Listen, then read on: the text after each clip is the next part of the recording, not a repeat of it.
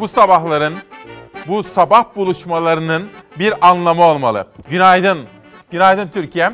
25 Kasım 2020 günlerden çarşamba İsmail Küçükkaya ile Hakikat Yolculuğuna hoş geldiniz. Bugün bir anlamı olmalı diyeceğiz. Öyle ya, bir ses, bir ışık, özlediğimiz birisi, özlediğimiz bir ülke ve onun içinde bulunduğu duruma dair hayaller, hayallerle birlikte ona eşlik eden hedefler, işte bir anlamı olmalı derken bunun altını hep beraber dolduracağız efendim. Bugünkü manşetimiz bu. Ekonomi var. Esnaf başta işsiz, emekli olmak üzere. EYT'liler, 3600'ü bekleyen polisler, öğretmenler, hemşireler, din ve diyanet işleri görevlileri. Siyaset var. Arınç ortaya bir bomba bıraktı. Bunun yansımaları, sebebi dünden bugüne analizler. Bunun dışında hayatın içinden pek çok haber de bizi bekliyor. Gazeteleri beraber okuyacağız. Günün köşe yazarlarını beraber değerlendireceğiz. Diyoruz ki bir anlamı olmalı. İki tweet gelecek şimdi. Bakın. Bülent Arınç istifa etmek durumunda kaldı. Cumhurbaşkanı ve Adalet Kalkınma Partisi Genel Başkanı Erdoğan'la bir görüşme yaptı ve kamuoyuna bir duyuruda bulundu ve Cumhurbaşkanlığı Yüksek İstişare Kurulu üyeliğinden istifa etti. Ne oldu, neden oldu? Ekonomi yönetiminin Merkez Bankası Başkanı'nın değişmesi ve akabinde Maliye Bakanı'nın, Maliye ve Hazine Bakanı Berat Albayrak'ın istifasından sonra AK Parti'nin kurucularından o dört kişiden birisi daha istifa etti Yüksek İstişare Kurulu'ndan. Sebebini anlamaya çalışacağız. Geçelim. Cumhurbaşkanlığı olup biteni nasıl yorumluyor? Tıpkı Berat Albayrak'ın istifasında olduğu gibi kelimelerle kamuoyuna mesaj veriyorlar. Sayın Bülent Arınç, Cumhurbaşkanlığı Yüksek İstişare Kurulu üyeliği görevinden ayrılmayı talep etmiş.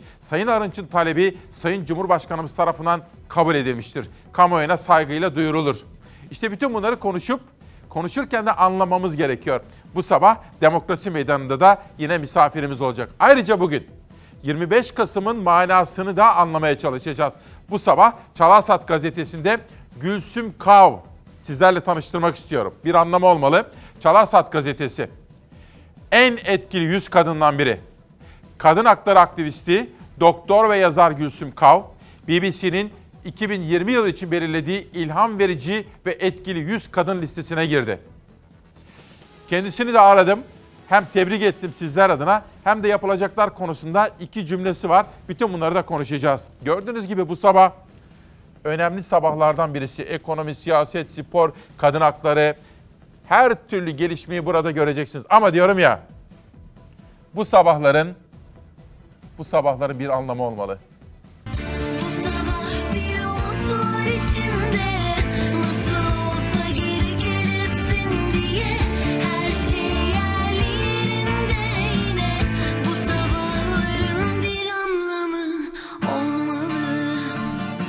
Var değil mi? Bu sabahların bir anlamı var. İşte bu sabah bunu konuşacağız. Şimdi yönetmenim kardeşim İrfan'dan hemen manşetleri istiyorum. Gazete okuyacağız. Cumhuriyet Gazetesi MHP istedi, Arınç gitti manşetiyle çıkmış. Yargıda reform çıkışı Cumhur İttifakı'nda sancı yarattı. Arınç YİK'ten istifa etti. Erdoğan'ın yargıda reform sözüne destek vererek Osman Kavala ve Selahattin Demirtaş'ın tahliyesini isteyen Cumhurbaşkanlığı Yüksek İstişare Kurulu üyesi Arınç, MHP ve AKP içinden gelen büyük baskı üzerine görevinden istifa etti. Arınç, Erdoğan'a da örtülü eleştirilerde bulundu. Tartışmalar yeni Yasin Börü'nün katilleriyle ve FETÖ'nün FETÖ ile yan yana gösterme gafletine kadar gitti diyor bakın. Bunu söyleyen Arınç. Bir daha okuyorum. Tartışmalar beni Yasin Börü'nün katilleriyle ve FETÖ ile yan yana gösterme gafletine kadar gitti. Bunu reddediyorum diyen Arınç Erdoğan'a sistem etti. Erdoğan telefonla görüştüğü Arınç'ın istifasını kabul etti ancak istifa et demediği iddia edildi. AKP'yi verdiği destekle iktidarda tutan MHP lideri Bahçeli, Cumhur İttifakı yaşayacaktır. Reformlar hayata geçirilecektir dedi. Arınç'ın terör propagandası yaptığını belirten Bahçeli, çete lideri Çakıcı'ya sahip çıkarak Cumhuriyet Gazetesi'ni hedef aldı diyor Cumhuriyet Gazetesi efendim. İşte siyasete ilişkin en önemli gelişmeleri Ankara'daki haber kaynaklarımızla yaptığımız temaslardan edindiğimiz kulis bilgileri de sizlerle paylaşacak ve bu konudaki detayları sizlere anlatma imkanı bulacağım. Ama önce, önce nedir? Önce sağlık, önce can sağlığı. önce mücadelesini verdiğimiz koronavirüsle acaba bugün hangi gerçekliklerle karşı karşıya kalacağız? Buyurun. Yoğun bakımlar ise özellikle pandemi hastanelerindeki yoğun bakımların doluluk oranı %85-90 civarı. Yani bir yer ancak hasta iyileşecek, yataklı servis alacak ya da hayatını kaybedecek.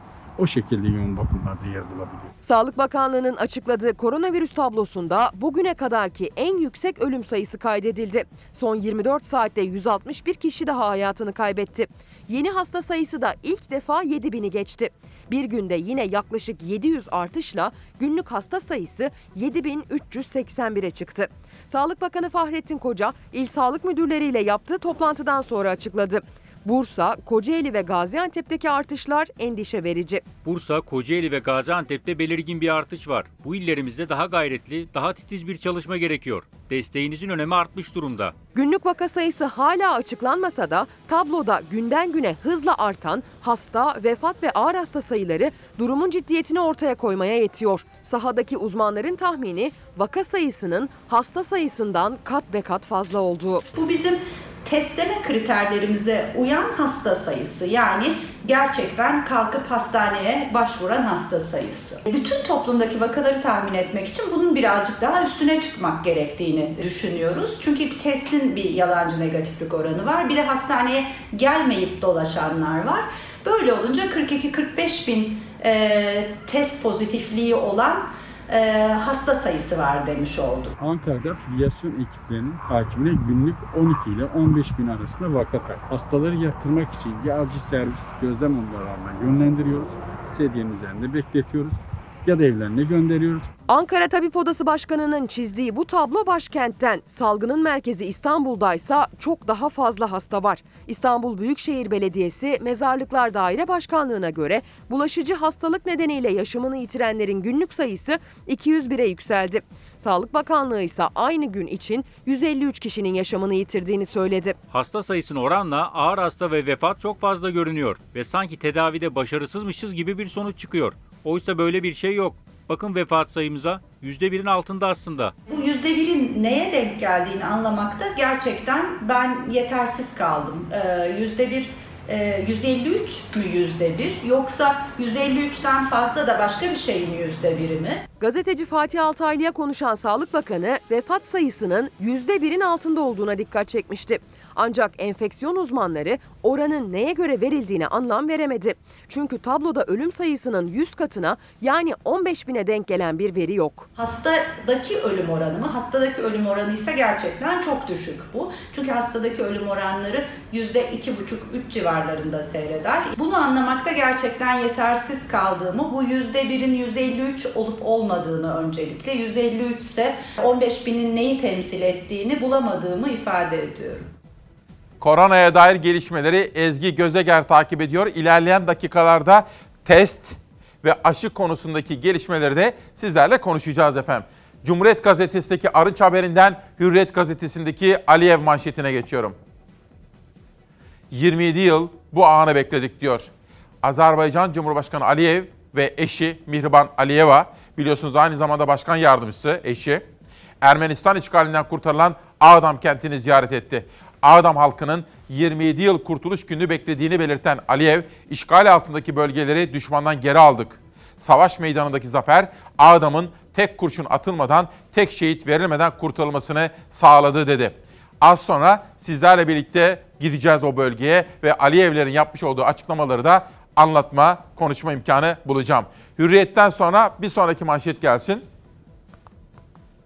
Mor maskeyle mesaj verdi. Akşener partisinin dünkü grup toplantısına gelişinde İstanbul Sözleşmesi'ne uygula yazılı mor maske taktı. Toplantıya katılan milletvekilleri ve partililer de aynı maskeyi kullandı diyor.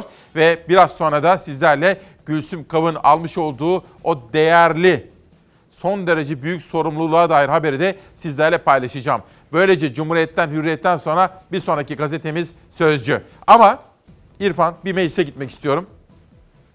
Şöyle canlandırın. Türkiye Büyük Millet Meclisi'ndeyiz. Oturumlar yapılıyor, toplantılar gerçekleştiriliyor. HDP sıralarından bir hareketlilik oldu. Acaba o hareketliliğin sebebi neydi? HDP'li bir milletvekilinin koronavirüs test sonucu pozitif çıktı. Türkiye Büyük Millet Meclisi Genel Kurulu'nda çalışmalara ara verildi. Genel kurul özel ekipler tarafından dezenfekte edildi. Tüm Türkiye'de olduğu gibi mecliste de koronavirüs vakaları arttı. Bugüne kadar Covid'e yakalanan milletvekili sayısı yüzü geçti. Meclis Genel Kurulu'nda oturum sürerken HDP Grup Başkan Vekili bir HDP'li vekilin test sonucunun pozitif olduğunu öğrendi. Durumu hemen Başkanlık Divanı'na iletti. Oturumu yöneten Meclis Başkan Vekili hemen birleşime ara verdi. Anons yapıldı, salon boşaltıldı. Görevli ekipler salonu dezenfekte etmeye başladı. Mecliste artan vakalar sonrası Türkiye Büyük Millet Meclisi Sağlık, Aile, Çalışma ve Sosyal İşler Komisyonu bir dizi yeni önlem önerisi hazırladı. Önerilen önlemler arasında çay ocaklarının kapatılması, toplantılarda milletvekillerinin konuşma sürelerinin kısaltılması, konuşmacıların mutlaka maske takması, çalışanlara her pazartesi test yaptırma zorunluluğu getirilmesi, mecliste çalışan personel sayısının azaltılması yer aldı. Sağlık Bakanı Fahrettin Koca diyor ki Aralık ayının içinde aşılamaya başlayacağız. Nasıl olacak aşılı aşılama? Devlet Rusya'dan ve Çin'den anlaşmalarını yaptı, getirtiyor. Onları başta risk grupları olmak üzere sağlık çalışanları ve yaşı 65'in üzerinde olanlar dahil ücretsiz olarak devletimiz yapacak Aralık ayından itibaren. Bir de diğer işte Almanya'da, İngiltere'de veya Amerika'da üretilen aşılar var ayrı ayrı. Onları da getirecekler. Eczanelerde ücretine mukabil vatandaş gidip o aşıyı da olabilecek. Aralık ayından itibaren bu süreç başlayacak dedi Sağlık Bakanı. Böylece Cumhuriyet Hürriyet derken sıra geldi Sözcü ve Sabah gazetelerine. Önce Sözcü. İşte çiftçinin hali. İsmail Akduman'ın manşeti. Kredi çektiler, tohum, gübre, ilaç ve mazot aldılar. Ektiler, biçtiler. Ancak ürünleri para etmedi. Borçlarını ödeyemediler. Alacaklılar kapıya dayandı ve traktörleri hazledilip götürüldü. Amasya'da merkeze bağlı Kızılca Köyü çiftçileri Tarım Kredi Kooperatifinden fide, gübre gibi tarımsal malzemeler alıp borçlandı. Ancak borçlar faizle ikiye hatta üçe katlandı. Atatürk'ün milletin efendisidir dediği köylüler yüksek faiz karşısında katlanan borçlarını ödeyemeyeceklerini belirtip kooperatif önünde eylem bile yaptı. Eylem bile yaptı ama nafile.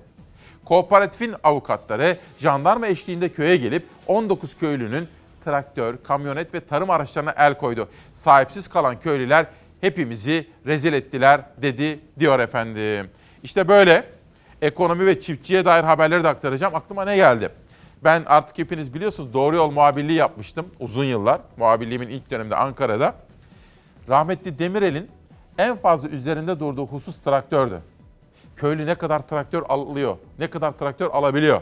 Ekonomiyi anlatabilmek için rahmetli baba Demirel traktör satışlarını örnek verirdi. Bence de son derece isabetliydi efendim. Allah gani gani rahmet eylesin diyorum. İşte şimdi günün siyasi konularına da biraz bakmak istiyorum. MHP istedi, Arınç gitti diyor Cumhuriyet Gazetesi. Dün AK Parti aynı zamanda yetkili kurullarını topladı.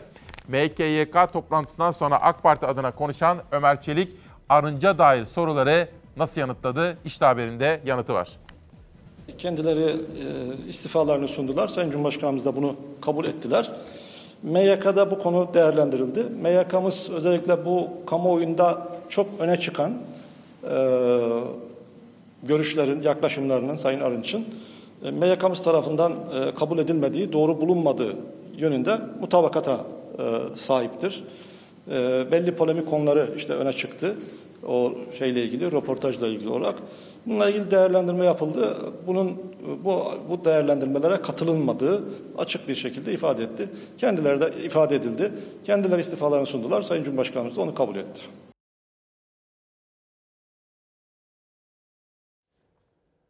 Evet gelen mesajları görüyorum. Akçay'dan günaydın diyor Necat Bey bizimle birlikte. Asude Hanım da şu anda kuafördeymiş. Kuaförde 5 tane televizyon varmış. 5'inde de Fox açıkmış. Teşekkür ediyorum. Sağ olun, var olun diyorum. Sözcüden sabaha geçelim. Camileri kapatanlar bize ders veremez. Azerbaycan Devlet Başkanı Aliyev Ağdam'da sağlam kalan tek camiyi ziyaret etti. Batı'nın mabetleri koru çağrısına ise tepki gösterdi. Camilere domuz kafası atanlar mı bize ders verecek diyor. Bakın fotoğrafa dikkatle baktığınız zaman Aliyev var ve eşi Mihriban Hanım var. Biliyorsunuz Mihriban Hanım hem eşi ama aynı zamanda da Azerbaycan Devlet Başkan Yardımcılığı görevini de üstlenmiş durumda efendim. Şimdi karı koca ve başkan başkan yardımcısı çiftte işgal altından kurtarılan topraklara gitti. İşte onun en sıcak görüntüsü ve haberi.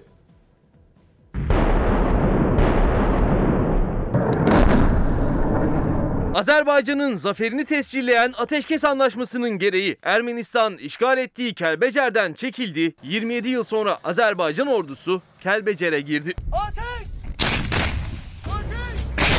Azerbaycan ordusu 44 gün süren harekatla Ermenistan'ı bozguna uğrattı. Paşinyan Ateşkes Anlaşması'na imza atmak zorunda kaldı. Paşinyan, ne oldu be? Bu ne oldu Paşinyan? Anlaşma gereği Ermenistan'ın Azerbaycan'a devredeceği yerlerden biri Kelbecer'di. İlk olarak 15 Kasım tarihi belirlenmişti. Ancak Ermenistan yönetimi Moskova aracılığıyla Bakü'den tahliye için 10 gün ek süre istedi. Azerbaycan talebe olumlu yaklaştı, ek süreyi kabul etti. İmzalamaktan başka şansım yoktu. Öz hoşuyla bunu imzalamır. Bunun hesabına imzalayır. Ermenistan güçlerinin Kelbecer'i yaktığı, enkaza çevirdiği görüntüler de geldi bölgeden. Ermenistan ordusu boşaltılan evleri, kamu binalarını, okulları ateşe verdi. Azerbaycan'ın Ermenistan'a verdiği ek süre gece saatlerinde doldu. Önce Azerbaycan ordusunun geçeceği dağlık güzergah mayınlardan temizlendi, güvenli hale getirildi ve 27 yıl süren işgalden sonra Azerbaycan ordusu Kelbecer'e girdi. Kelbecer özgürlüğüne kavuştu. Karabağ Azerbaycan. Kafkaslardaki olup biteni Zafer Söken dikkatle takip ediyor. Hani ben polisimizden, hemşiremizden, din diyanet görevlimizden bahsediyorum ya öğretmenimizden 3600 ek gösterge haklı. Bakın Çetin Demirdöğer, Ali Ağa'dan bana mesaj yollamış. Sevgili kardeşim günaydın. Her fırsatta polisten, öğretmenden, hemşireden bahsediyorsun. 3600 ek gösterge isteyen vergi dairesi memurlarından hiç bahsetmiyorsun diyor. Demek ki ilk defa duyuyorum. Vergi dairesi memurlarının da 3600 ek gösterge gibi talepleri varmış. Yoğun çalışıyorlar bilirim. Fedakarca çalışıyorlar bilirim. O nedenle bu talebi de gündeme getirmiş olalım. Şimdi İrfan kardeşimden dünyanın manşetlerini rica edeceğim. Dünyadaki gelişmeleri de Beyza Gözeyik haberleştirdi. Çok önemli bir gelişme. Amerika'da Trump seçimi kaybettiğini kabul etti. Bakın fotoğrafta Yelen'i görüyorsunuz. Amerika'da ilk defa Hazine Bakanlığı'na bir kadın atanıyor efendim. Yelen. O kadar önemli bir görev ki Amerika'da ve dünyada finans çevreleri işte bunu konuşuyorlar. Joe Biden 20 Ocak'ta göreve gelecek. Dün itibariyle A takımını ve Bakanlar Kurulu'nu oluşturmaya başladı. Onlardan biri de Yelen Hazine Bakanlığı'na geliyor efendim. Financial Times'tan Le Monde gazetesine geçiyorum. Sayfanın tam ortasına bir bakın o mavi bölüme. Polis şiddetine soruşturma haberini görüyorsunuz burada. Tabii dünyanın pek çok ülkesinde eylemler yapıla geliyor ve o eylemlere gerçekleştirilen müdahaleler var. O müdahaleler sırasında polis şiddetine dair de bir soruşturma başlatmışlar Fransa'da. Fransa'dan Almanya'ya geçelim. Günaydın Almanya diyelim. Ve sayfanın tam ortasındaki yani üstündeki fotoğrafta maskı görüyorsunuz. Ve hani Trump öyle diyordu. Amerika first diyordu. Önce Amerika diyordu. Diyor ki çok çarpıcı bir başlık atmışlar. Önce Almanya demişler. Neden diyor biliyor musunuz? Dünyanın en büyük pil fabrikasını Almanya'ya açmaya çalışıyormuş efendim. The Guardian gazetesine geçelim. Korona ile mücadele kapsamında Avrupa ülkeleri kısıtlamalara gidiyor. Kanada mesela yeniden kısıtlama kararı aldı. Peki Christmas var, Hristiyan alemi için kutsal. Nasıl bir araya gelebilecekler? En fazla 3 ailenin bir araya gelebileceğine dair de bir karar verdiler. İşte dünyanın koronayla imtihanı. With the latest positive news from vaccine trials, the light at the end of this long, dark tunnel is growing brighter. Dünya Sağlık Örgütü virüse karşı geliştirilen aşılar için tünelin ucunda ışık göründü dedi. Avrupa Birliği şu ana kadar 1 milyar 965 milyon dozluk aşı anlaşması yaptı. Rusya'nın geliştirdiği Sputnik 5 aşısının da fiyatı belli oldu. Dünyanın umutla beklediği koronavirüs aşıları ile ilgili önemli gelişmeler yaşandı. Avrupa Birliği 6. firmayla da el sıkışarak aşı portföyünü genişletti. Amerikalı biyoteknoloji şirketi Moderna ile 160 milyon doz aşı için anlaşma sağladı. Henüz deneme aşamasında olan tescillenmemiş Rus Sputnik 5 aşısının fiyatı belli oldu. İki doz halinde yapılacak aşı 20 dolar yani 160 Türk lirasına satılacak. Aşının ikinci klinik denemelerinde virüse karşı %95 etkili olduğu açıklandı. Avrupa'da kısıtlamalar vaka sayılarını geriletti ancak iki ülkede can kayıpları hala çok yüksek. İtalya'da son 24 saatte 630, Fransa'da 501 kişi yaşamını yitirdi. İki ülkede salgının başından bu yana yaşanan kayıplar 50 bini aştı. Polonya'da ise genel karantina kararı çıkmadı. Vaka sayıları ise rekor kırdı. 24 saatte 32 binden fazla kişide virüse rastlandı. İngiltere'de 3 haftadır süren ulusal karantina sonuç verdi. Vakalar 20 binin altına indi. 2 Aralık'ta kaldırılacak kısıtlamalardan sonra bahara kadar 3 aşamalı normalleşme planı uygulanacak. Noel tatili içinse tedbirler gevşetildi. Ülke genelinde 3 hane halkının aynı evde bir araya gelmesine izin verilecek. Amerika Birleşik Devletleri'nde endişe veren vaka artışı sürüyor. Bir günde 190 bin kişide virüs saptandı. New York'ta son 3 haftada hastaneye yatış oranı %122 arttı. Ülke genelinde kayıplar 260 bini geçti. Washington Üniversitesi Sağlık Ölçümleri Değerlendirme Enstitüsü virüsten yaşanan ölümlerle ilgili tahminini paylaştı. 140 bin Amerikalının daha hayatını kaybetme ihtimali olduğu açıklandı. Amerika'daki yeni yönetim ve bu yönetimin Türkiye'ye bakışı. Bu konuda özel bir haber istedim. Arkadaşlarım hazırlıyorlar biraz sonra. Sırada bir madenci, bir emekçi haberi var. Bizim İsmail Küçükkaya ile Çalarsat ailesinin hiç vazgeçmeyeceği haberlerden biri çevre haberi ise biri de emekçinin hakkını korumaktır. Bir de sizlerden gelen yorumlar. Bakalım. Murat Aktaş ne diyor? Bahçeli dava arkadaşı Çakıcı'ya sahip çıktı. Erdoğan dava arkadaşı Arınç'a sahip çıkmadı. Bir anlamı olmalı diyor. Bir siyasi yorum. EYT'li Rahim Aydın, günaydın. Canını ortaya koyan sağlıkçının, ekmek teknesine yaşlı gözlerle kilit vuran esnafın, evine ekmek mi ölüm mü taşıdığı kaygısıyla üretimi devam ettiren canını ortaya koyan emekçi EYT'linin dağ başına çıkıp eğitim almaya çalışan öğrenci öğretmenin bir anlamı olmalı diyor bakın. Çok çarpıcı bir mesaj yazmış Rahim Aydın. Gazete manşetlerinde sabahtaydık. Sabahtan bir güne geçiyorum. Karanlığı aydınlatacak isyanın sahipleriyiz. Bugün 25 Kasım kadına yönelik şiddete karşı uluslararası mücadele günü. Kadınlar erkek şiddetine maruz bırakılıyor, iktidar ise sadece seyirci kalıyor. Ülkede sadece Ocak-Ekim ayında 397 kadın erkekler tarafından öldürüldü.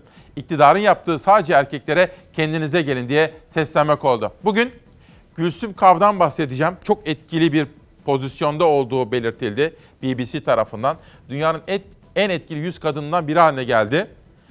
Bu deklare edildi dün. Kendisini de aradım. Gülsüm Kav'la ilgili haberlerim var biraz sonra. Çalar Saati bugün ona ayırdık. Ayrıca Canan Güllü hocamızla Türk Kadın Dernekleri Federasyon Başkanı ile konuştuk. Arkadaşlarım onunla da ilgili bir haber hazırladı. Bugün işte bu manşetleri sizlere anlatacağım. Bir başka haber gelsin. İşçilere değil patronlara barikat kurun. Açın yolları diyor. Sendikalı oldukları için tazminatsız işten atılan metal işçilerinin Ankara yürüyüşüne müdahale edildi. Madenciler ise bugün başkente yürüyecek diyor efendim. İşte şimdi emekçinin alın teriyle çalışan işçi kardeşimizin haberi.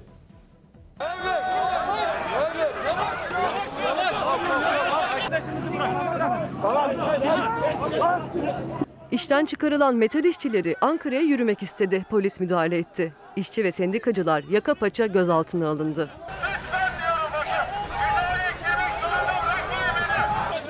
Gözaltı beyler! Beyler!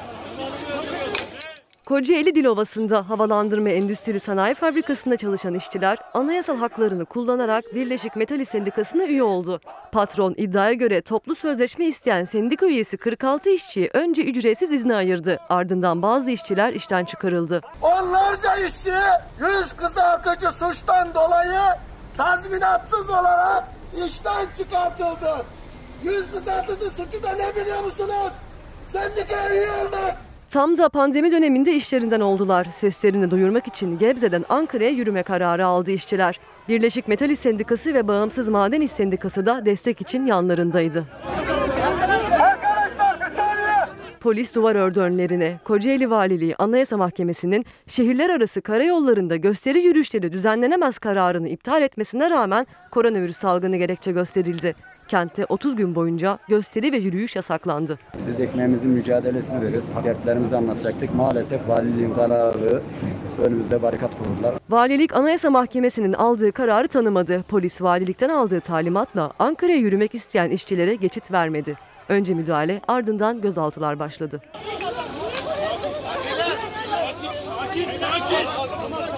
Polis müdahalesi sonrası gözaltına alınan 109 işçi ve sendikacı serbest bırakıldı.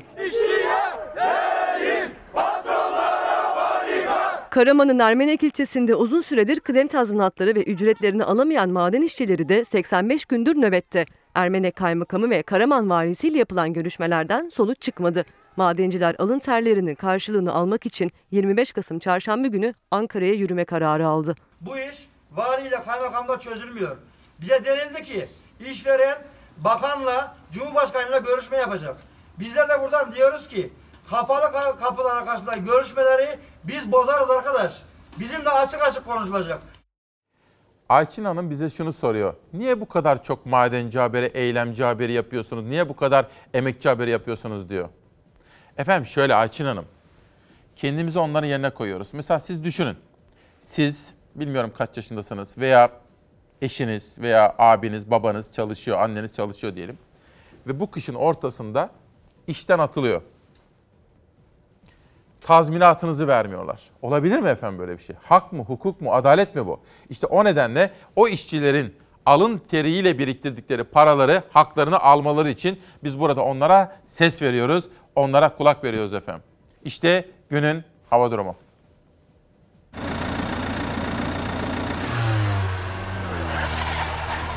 Geceler ayaz, yurdun hemen hemen tüm kesimlerinde geceden sabaha buzlanma var. Genellikle açık olan gökyüzü nedeniyle günden geceye hava hızla soğuyor, gece gündüz sıcaklık farkları yüksek seyrediyor. Bugün yağış yine yurdun kuzey kesimlerinde bekleniyor. Bugün batı ve iç kesimlerde genellikle güneş kendini gösterecek. Yurdun kuzey hattında ve doğu kesimlerinde hava nispeten daha kapalı olacak. Yağış ihtimali ise Doğu Karadeniz kıyılarında kendini gösteriyor bugün. Marmara bölgesinde saatler ilerledikçe yağışın ihtimali azalırken Poyraz sert ve soğuk esiyor. Hissedilen sıcaklıkları düşürecek kadar soğuk esmesi beklenen Poyraz, Kuzey Ege'de de kuvvetli olacak. Poyraz nedeniyle İdo, İstanbul Bandırma arası seferlerinde sabah erken ve öğle saatlerinde iptaller olduğunu duyurdu. Budo, Eminönü Mudanya arası karşılıklı sabah seferlerini iptal etti. Öte yandan bugün ve perşembe günü sisli havanın etkisi tüm batı ve iç kesimlerde devam ediyor. Akşama doğru yoğunlaşan gece ve sabah saatlerinde etkisi süren sisli hava perşembe günü de kendini gösterecek. Perşembe yurt genelinde bulutlar seyreliyor. Yalnızca Güneydoğu Anadolu'da ve yurdun en kuzeydoğu kesimlerinde yağış ihtimali var. Yurdun kalan kesimlerinde bulutlar seyrek perşembe günü. İç ve doğu kesimlerde gece yaşanacak buzlanma ve don ihtimali kuvvetleniyor. Topraktaki donma üretimi, asfalttaki donma ise trafikteki seyri olumsuz etkileyebilir, tedbir alınmalı. Önümüzdeki günlerde dar alanda etkili bölgesel ve hafif yağış geçişleri görülecek olsa da asıl yağışlar pazartesi günü batıdan itibaren etkili olmaya başlayacak gibi görünüyor. Bakın Seda Hanım, bir eğitimci Seda Başbuğ diyor ki, İsmail Bey çok etkilisiniz lütfen sık sık dile getirin. Covid önlemleri kapsamında lütfen ev gezmeleri yapılmasın. Komşu gezmeleri iptal edilsin. 2-3 ailenin bir araya gelmelerine mutlaka önlem alınsın diyor. Haklı. Bunu üzerine basa basa tekrar etmemiz gerektiğini bize hatırlatıyor. Karar Gazetesi reformdu, fitne oldu. Aa bunu biraz sonra verelim. Olsun kalsın kalsın bu da önemli. Doğmamış çocukları bile borca soktular. Hükümete sert eleştiriler yönelten Babacan, ülkeyi koca bir laboratuvar, vatandaşları kobay haline getirdiniz, deneyleriniz yoksullaştırdı, doğmamış çocuklarımız bile borca giriyor dedi. Ali Babacan, Partisinin kongreleri kapsamında yurt gezisini sürdürüyor ve söylemlerini de her geçen gün daha da netleştirip sertleştiriyor. Bu da dikkatleri çekiyor. Karardan Türk Gün Gazetesi'ne geçeceğim. Türk Gün Gazetesi'nde Bahçeli'nin sözleri manşet. Mandacı melanetler. MHP Genel Başkanı Bahçeli yabancılara biat eden, gel gel yapan, el sallayan, mesaj yollayan, alın bizi kullanın diyen köksüzlere bin defa yuh olsun zillet bu millete umut olamaz dedi. Bahçeli'nin dünkü sözlerinden gerek Arınç'a yönelik açıklamalarını, gerek Alaaddin Çakıcı'ya, gerekse muhalefet partilerine yönelik eleştirilerini manşet olarak seçtik. Sizlere ilerleyen dakikalarda anlatacağız. Ankara'dan dün Mansur Yavaş'tan bir mesaj anlatmıştım size. Çocuklarımızın eğitim fırsat eşitliğini kullanabilmeleri için köy köy internete bağlamasından bahsediyordu Mansur Yavaş. Onun haberi var sırada ama önce bir kitap tanıtalım. Deniz Kurbanzade Leonora isimli kitabıyla bu sabah Çalar Saat'te efendim. Mansur Yavaş çocukların eğitim çalışmaları kapsamında bakın ne yapıyor.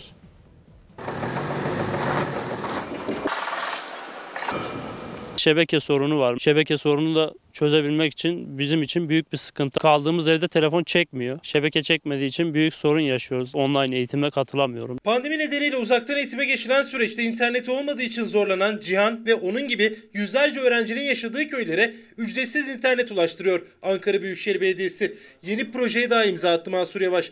Belediyeden sosyal yardım alan ailelerdeki 15 bin öğrenciye 10 GB ücretsiz internet müjdesi verdi. Ailesi sosyal yardımlardan faydalanan 15 bin öğrencimizin eğitim hakkından mahrum kalmasını önlemek için 3 aylık 10 GB ücretsiz internet desteğimizi başlattık.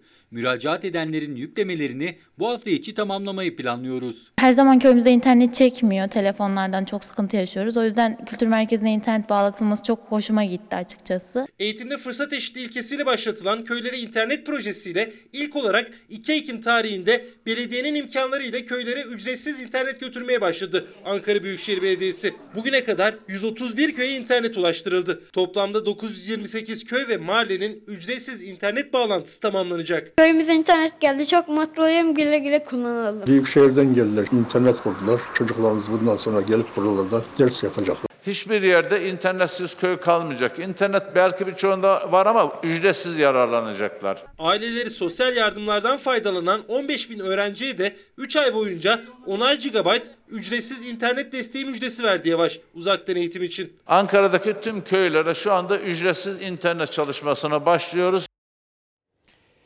Sizden gelen bir mesaj esnafa dair. İsmail Bey günaydın. Bir esnaf olarak çok zor durumdayız inanın. Vergi borcundan banka hesabı ve adımı olan her şeyin üzerine vergi dairesi hacizi var. Af çıktı. Çıktı ama ödemeden hacizler kalkmıyor. Ne yapacağım? Esnafın sesini daha fazla duyurun diyor efendim. Biraz sonra Canan Güllü'nün yaptığı açıklamalar ışığında 25 Kasım'a ilişkin özel haber dosyaları var. Ayrıca dün arayıp konuştuğum Kadın Cinayetlerini Durduracağız platformu başkanı Gülsüm Kav. Bugün Çalarsat gazetesi yaptık bakın. En etkili 100 kadından biri. Kadın hakları aktivisti, doktor ve yazar Gülsüm Kav, BBC'nin 2020 yılı için belirlediği ilham verici ve etkili 100 kadın listesine girdi. Aradı, tebrik ettiğimde dedi ki umarım gereken mesaj alınır dedi. Mesaj kimedir dedim, söyledi. Mesaj nedir dedim, iki cümle söyledi. İki cümle ama yeter. İlerleyen dakikalarda bunu da sizlerle paylaşacağım. Yeni çıkan kitaplar demişken, Özden Arıkan'ın Türkçesiyle Haçlılar Çağı. Bu kitapta Çalar Saat kitabındaki yerini alacak. Dönüşte özel haberler, manşetler var. Korona, ekonomi, arınç, siyaset hepsi. Ayrıca bakın beyin göçü. Deniz Yıldırım bugün Cumhuriyet Gazetesi'nde neden bizim gençlerimiz, parlak akademisyenlerimiz, çocuklarımız yurt dışına gitmek zorunda kalıyorlar? Bu sorunun yanıtını arıyor. Günaydın. Ne dersiniz? İlk sade kahvemi hak ettim mi? Bu sabahların bir anlamı olmalı dedik. Günaydın. 25 Kasım 2020 günlerden çarşamba İsmail Küçükkaya ile mavi bir sabahta hakikat yolculuğundasınız efendim. Günaydın, hoş geldiniz. Ekonomi önemli. Siyaset, Arınç'ın istifa etmesiyle sonuçlanan bir süreç. Unutmayın Berat Albayrak ekonomi yönetiminden istifa etti. Üstüne Arınç Yüksek İstişare Kurulu'ndan istifa etti. Bütün bunların anlamı Ankara'daki haber kaynaklarımızla yaptığımız konuşmalardan sonra derleyip toparladığımız kulis bilgileri, perde arkası manşetler. Bunun dışında başka haberlerimiz var. Çalar Saat gazetesinde Gülsüm Kavın dünyada en etkili 100 kadın arasında seçilmesine dair de manşetler. Ayrıca Türk Kadın Dernekleri Federasyon Başkanı Canan Güllü ile yaptığımız özel dosya çalışması da yine bu sabah bizimle olacak. Ve işte Pencere gazetesi. Bahçeli Demirtaş'a terörist, Arınç'a ahmak dedi. Çakıcı'ya yine sahip çıktı. Cumhurbaşkanı Erdoğan'ın ardından MHP Genel Başkanı Bahçeli de eski HDP eş başkanı Selahattin Demirtaş ile iş insanı Osman Kavala'nın hala tutuklu olmasına şaşırdığını söyleyen eski meclis başkanı ve Yüksek İstişare Kurulu üyesi Bülent Arınç'a sert sözlerle tepki gösterdi diyor. Bu sözleri ilerleyen dakikalarda detaylı olarak konuşacağım. Konuğuma da sorma imkanı bulacağım. Pencereden bir haber daha seçtim. Eski AK Parti milletvekili Ensarioğlu hakkında terör soruşturması. Diyarbakır Cumhuriyet Başsavcılığı eski AK Parti Diyarbakır Milletvekili Galip Ensarioğlu hakkında YPG üyesinin taziyesine gittiği gerekçesiyle silahlı terör örgütünün propagandasını yapmak suçlamasından soruşturma başlattı. Soruşturmayı yürüten terör suçları soruşturma bürosu Ensarioğlu'nu şüpheli sıfatıyla ifadeye çağırdı. Pazartesi günü Diyarbakır Adliyesi'ne giden Ensarioğlu soruşturmayı yürüten Cumhuriyet Savcısına hakkındaki iddialarla ilgili ifade verdi. Dün de Ensarioğlu hakkında takipsizlik kararı verildi diyor. Ensarioğlu karar sonrası soruşturmanın yanlış olduğunu, o dönem YPG'nin terör örgütü ilan edilmediğini söyledi diyor. Peki 25 Kasım'da salgınla mücadelede neler yaşadık? İşte en güncel bilgiler ve görüntülerle günün manşeti. Hastapan değil. E varsa var ne yapayım? Para çekmeye gidiyordum. Yurdun dört bir yanında koronavirüsle mücadele sürerken bazı insanlar başkalarının hayatını riske atmaktan ya korkmuyor ya da hastalığın ciddiyetini bir türlü kavrayamıyor. Tedbirlerin daha da sıkılaşması beklenirken olan kurallara da uymayanlar her gün kameralara yansıyor. Onlar kurallara uymazken koronavirüse yakalananlar hastalığın ciddi alınması konusunda herkesi uyarıyor. Kocaeli'de Covid-19 tedbirlerine uymadıkları gerekçesiyle 235 kişiye para cezası uygulandı. Tam 1499 iş yeri denetlendi, 20 binden fazla kişi denetime tabi tutuldu. Karantina ihlali yapıp başkalarının hayatlarını hiçe sayan 23 kişiye ceza kesildi. Maske takmayan 166, sosyal mesafe kuralına uymayan 12, yasaklanan yerlerde sigara içen 25 kişiye para cezası uygulandı. Sigara içmek yasak. Yasak mı? Evet. Nerede yasak? Kalabalık alanlarda sigara içmek yasak. Kütahya'nın Emet ilçesinde salgında ipin ucu kaçtı. Kontrolsüz yayılan virüs 4 mahallede çok sayıda sokak ve caddenin kapanmasına sebep oldu. Cumhuriyet Mahallesi'nde ekiplerin çalışmalarına mahallenin muhtarı Mustafa Gencan da katıldı. Evinde izole olan vatandaşlardan bir ihtiyaçları olması halinde kendisiyle irtibata geçmelerini istedi. Vatandaşlarımızın eee, duyarlı bir şekilde evde kalmalarını, herhangi bir ihtiyaçları halinde muhtarı veya kolluk kuvvetlerini aramalarını rica ederiz. Tedbirler daha da sıkılaşsın diyenleri bir kez daha haklı çıkaran bir görüntü de Samsun'dan geldi. HES kodu riskli bir vatandaş tramvaya binmek üzere yakalandı. Polis ekiplerinin sorgulaması sonrası filyasyon ekiplerine teslim edilen şahsın gerekçesi akıllara durgunluk verdi. Hastapan değil. E varsa var ne yapayım?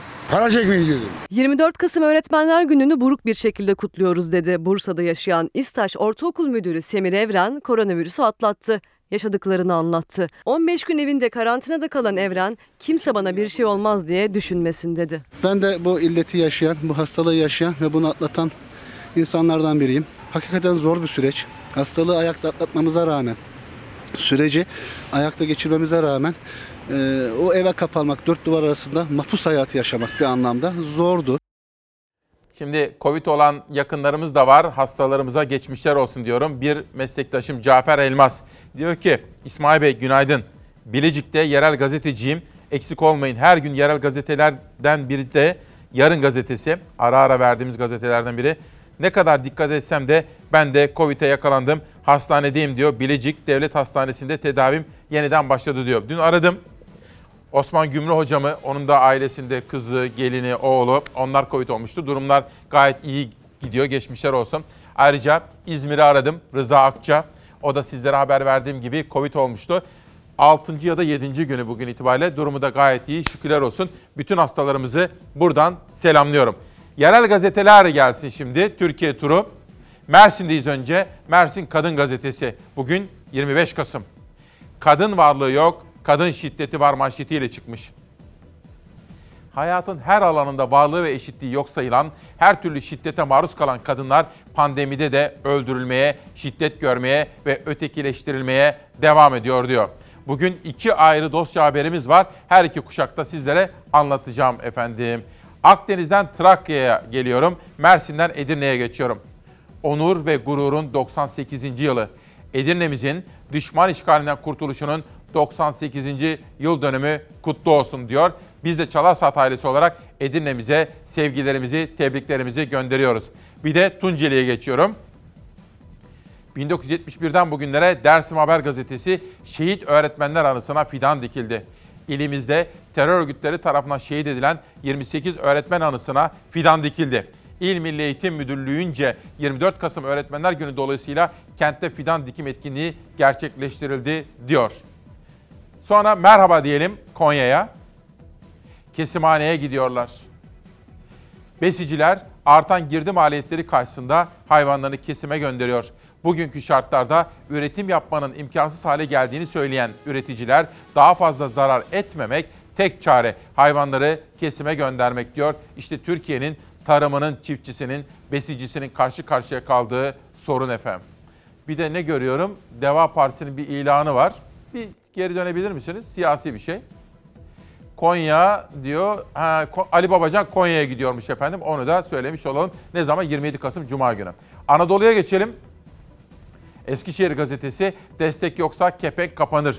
Restoran, kantin, lokanta sektörünün temsilcileriyle bir araya gelerek durum tespiti yapan ETO Başkanı Metin Güler, devletin desteği olmadan hizmet sektöründeki firmaların mevcut şartlarda kapanabileceğini ve on binlerce çalışanın mağdur olabileceğini söyledi diyor.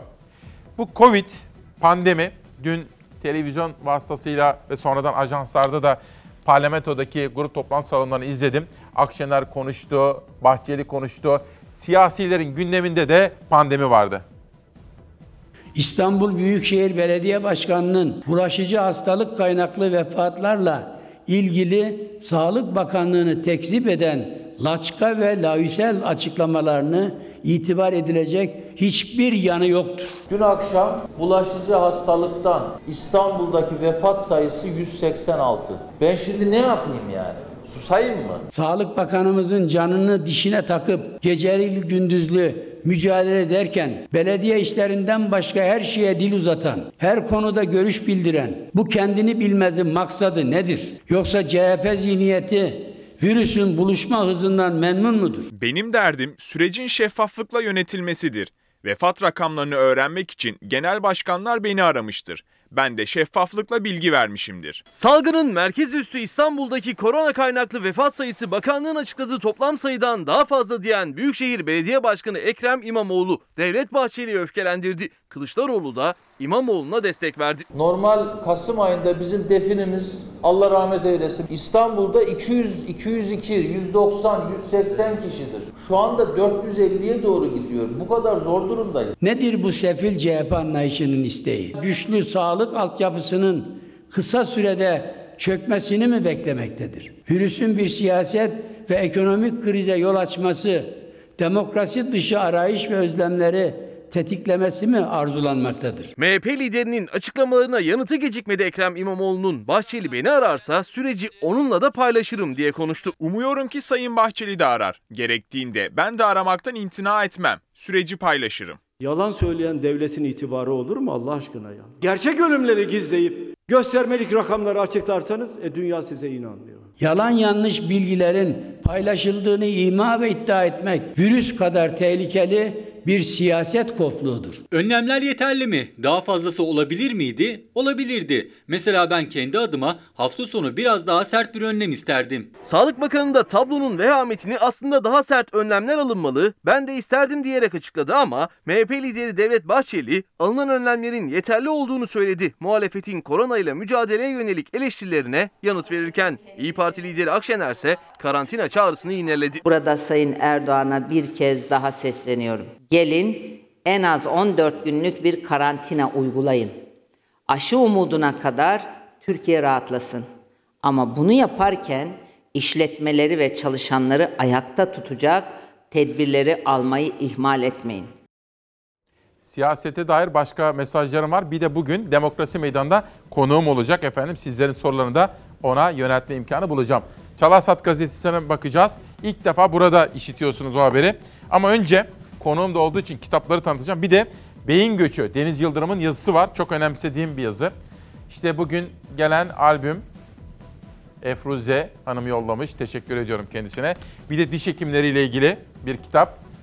Derleyen diş hekimi Ayşegül Ülgener, editör diş hekimi Füsun Şeker, proje koordinatörü doktor diş hekimi Gülümser Koçak. Ben de bu vesileyle tanıdığım diş hekimlerini sevgiyle, saygıyla selamlıyorum efendim. Deniz Yıldırım'ın bu yazısını özetleyeceğim.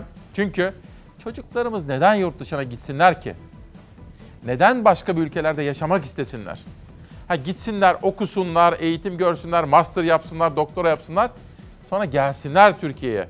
Neden gelmemek üzere, dönmemek üzere gidiyorlar? İşte Deniz Yıldırım bu sorunun peşine takılmış. Çalarsat gazetesi 25 Kasım 2020. En etkili 100 kadından biri. Kadın hakları aktivisti, doktor ve yazar Gülsüm Kav, BBC'nin 2020 yılı için belirlediği ilham verici ve etkili 100 kadın listesine girdi.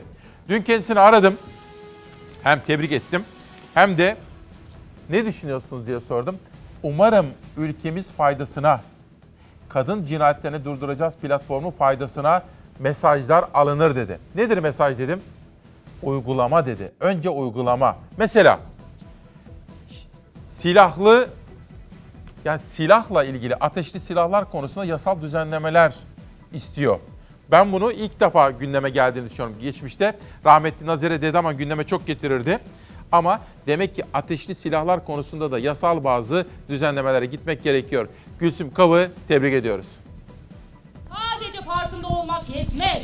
İşte burada bizler gibi birçok e, başka şehirde yine harekete geçen, hemen her gün mücadele yürüten ama 25 Kasım gibi bir önemli tarihi günde e, canlı dişine takarak bu zor zamanlarda, korona zamanlarında güçlü bir ses çıkarmak için, güçlü mücadele göstermek için mücadele eden herkes gibi farkında veren herkesin çözümünde de özne olması gerekir.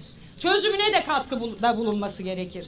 Şimdi geldiğimiz noktada da madem çok daha geniş bir e, nüfus artık bizim meselemizin farkında ki bunu da birlikte başardık. Hep birlikte mücadelemizle başardık. Hem işte ona bu e, ne, topluma karşı, kadınlara karşı biz sorumluluğumuzu yerine getireceğiz. Hem de onlar sorumluluklarını yerine getirip sadece tanık olmak yerine mücadelenin parçası olmalılar. Çok daha güçlü bir mücadele yürütmeliyiz. Şimdi böyle bir evredeyiz. Ve ne kadar iyi ki zaten o evrenin özneleri de var. Bugün artık üniversite kadın meclisleri, işçi kadın meclisleri, bugün eylemimizde de e, bir, birlikte olduğumuz her alanda kadınların e, kendi meclislerini daha da büyüterek kuracağı bir evredeyiz. Dün burada Demokrasi Meydanı'nda bir kadın sendikacı vardı. Bir örgütlü toplum, dayanışmacı toplum ismi Feray Aydoğan vardı. Öğretmenler gününde özel açıklamalar yaptı. Ondan alıntılar yapacağız şimdi. Ama Deniz Yıldırım bakın şunu soruyor. Önce Aziz Sancar, Özlem Türeci ve Uğur Şahin. Nobel kazanan Aziz hocamız ve aşıyı bulan Almanya'daki Türkler Özlem Türeci, Uğur Şahin. Onlardan yola çıkarak bizim parlak beyinlerimiz konusunda bir yazı kalem almış Deniz Yıldırım bugünkü Cumhuriyet'te. Lütfen dikkatle takip edin olur mu? Gençler bilim insanları nereye gitmek istiyor? Olanakların, yaşam standartlarını daha iyi olduğu, iyi kötü işleyen bir demokrasinin, iyi kötü işleyen bir demokrasinin ve hukuk güvenliğinin bulunduğu, bilime değer verilen ülkelere gitmek istiyor. Tesadüf değil. Türkiye genç ve dinamik nüfusa sahip, yetenekli araştırmacıları, pırıl pırıl beyinleri barındıran bir ülke.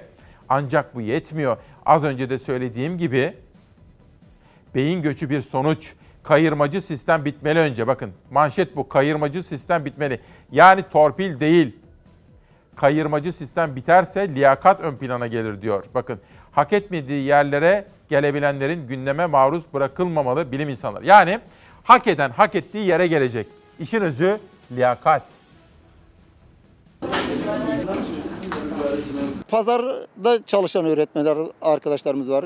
Ee, kuru yemişte çalışan arkadaş, markette çalışan arkadaşlarımız var. Çocuklarım tabii ki soruyor yani baba sen öğretmensin neden öğretmenlik yapmıyorsun da kağıt topluyorsun gibi. Ben de takdir ilah ediyorum yani. Gün öğretmenlerin günü ama onlar için haklarına ulaşamadıkları diğer günlerden bir farkı yok. Kimi ek iş yaparak geçinmeye çalışıyor, kimi atanma umudunu kaybetti, kağıt toplayarak ailesinin karnını doyurmaya çalışıyor. Söz verilen 3600 ek gösterge ise bir öğretmenler gününde daha vaat olarak kaldı. Hala haber yok. Yarım milyonu aşkın arkadaşımız atamasının yapılması için bekliyor. 101 bine aşkın arkadaşımız sözleşmeli olarak güvencesiz göreve başlıyor. Kirasını ödeyemeyen, ek iş yapmak durumunda kalan, şu anda bilgisayarı olmayan öğretmen arkadaşlarımız var. Bilgisayarı interneti olmadığı için sadece öğrencilere uzak kalmadı eğitim. Geçim sıkıntısından dolayı bilgisayar alamayan, internet faturasını ödeyemeyen öğretmenler de var. Eğitim işin anketine göre %75'i borçlarının yüküyle giriyor derse, %26'sı ise ek iş yapıyor. Çocuğunu okula gönderen bir öğretmen düşünün. Şimdi pandemi koşullarında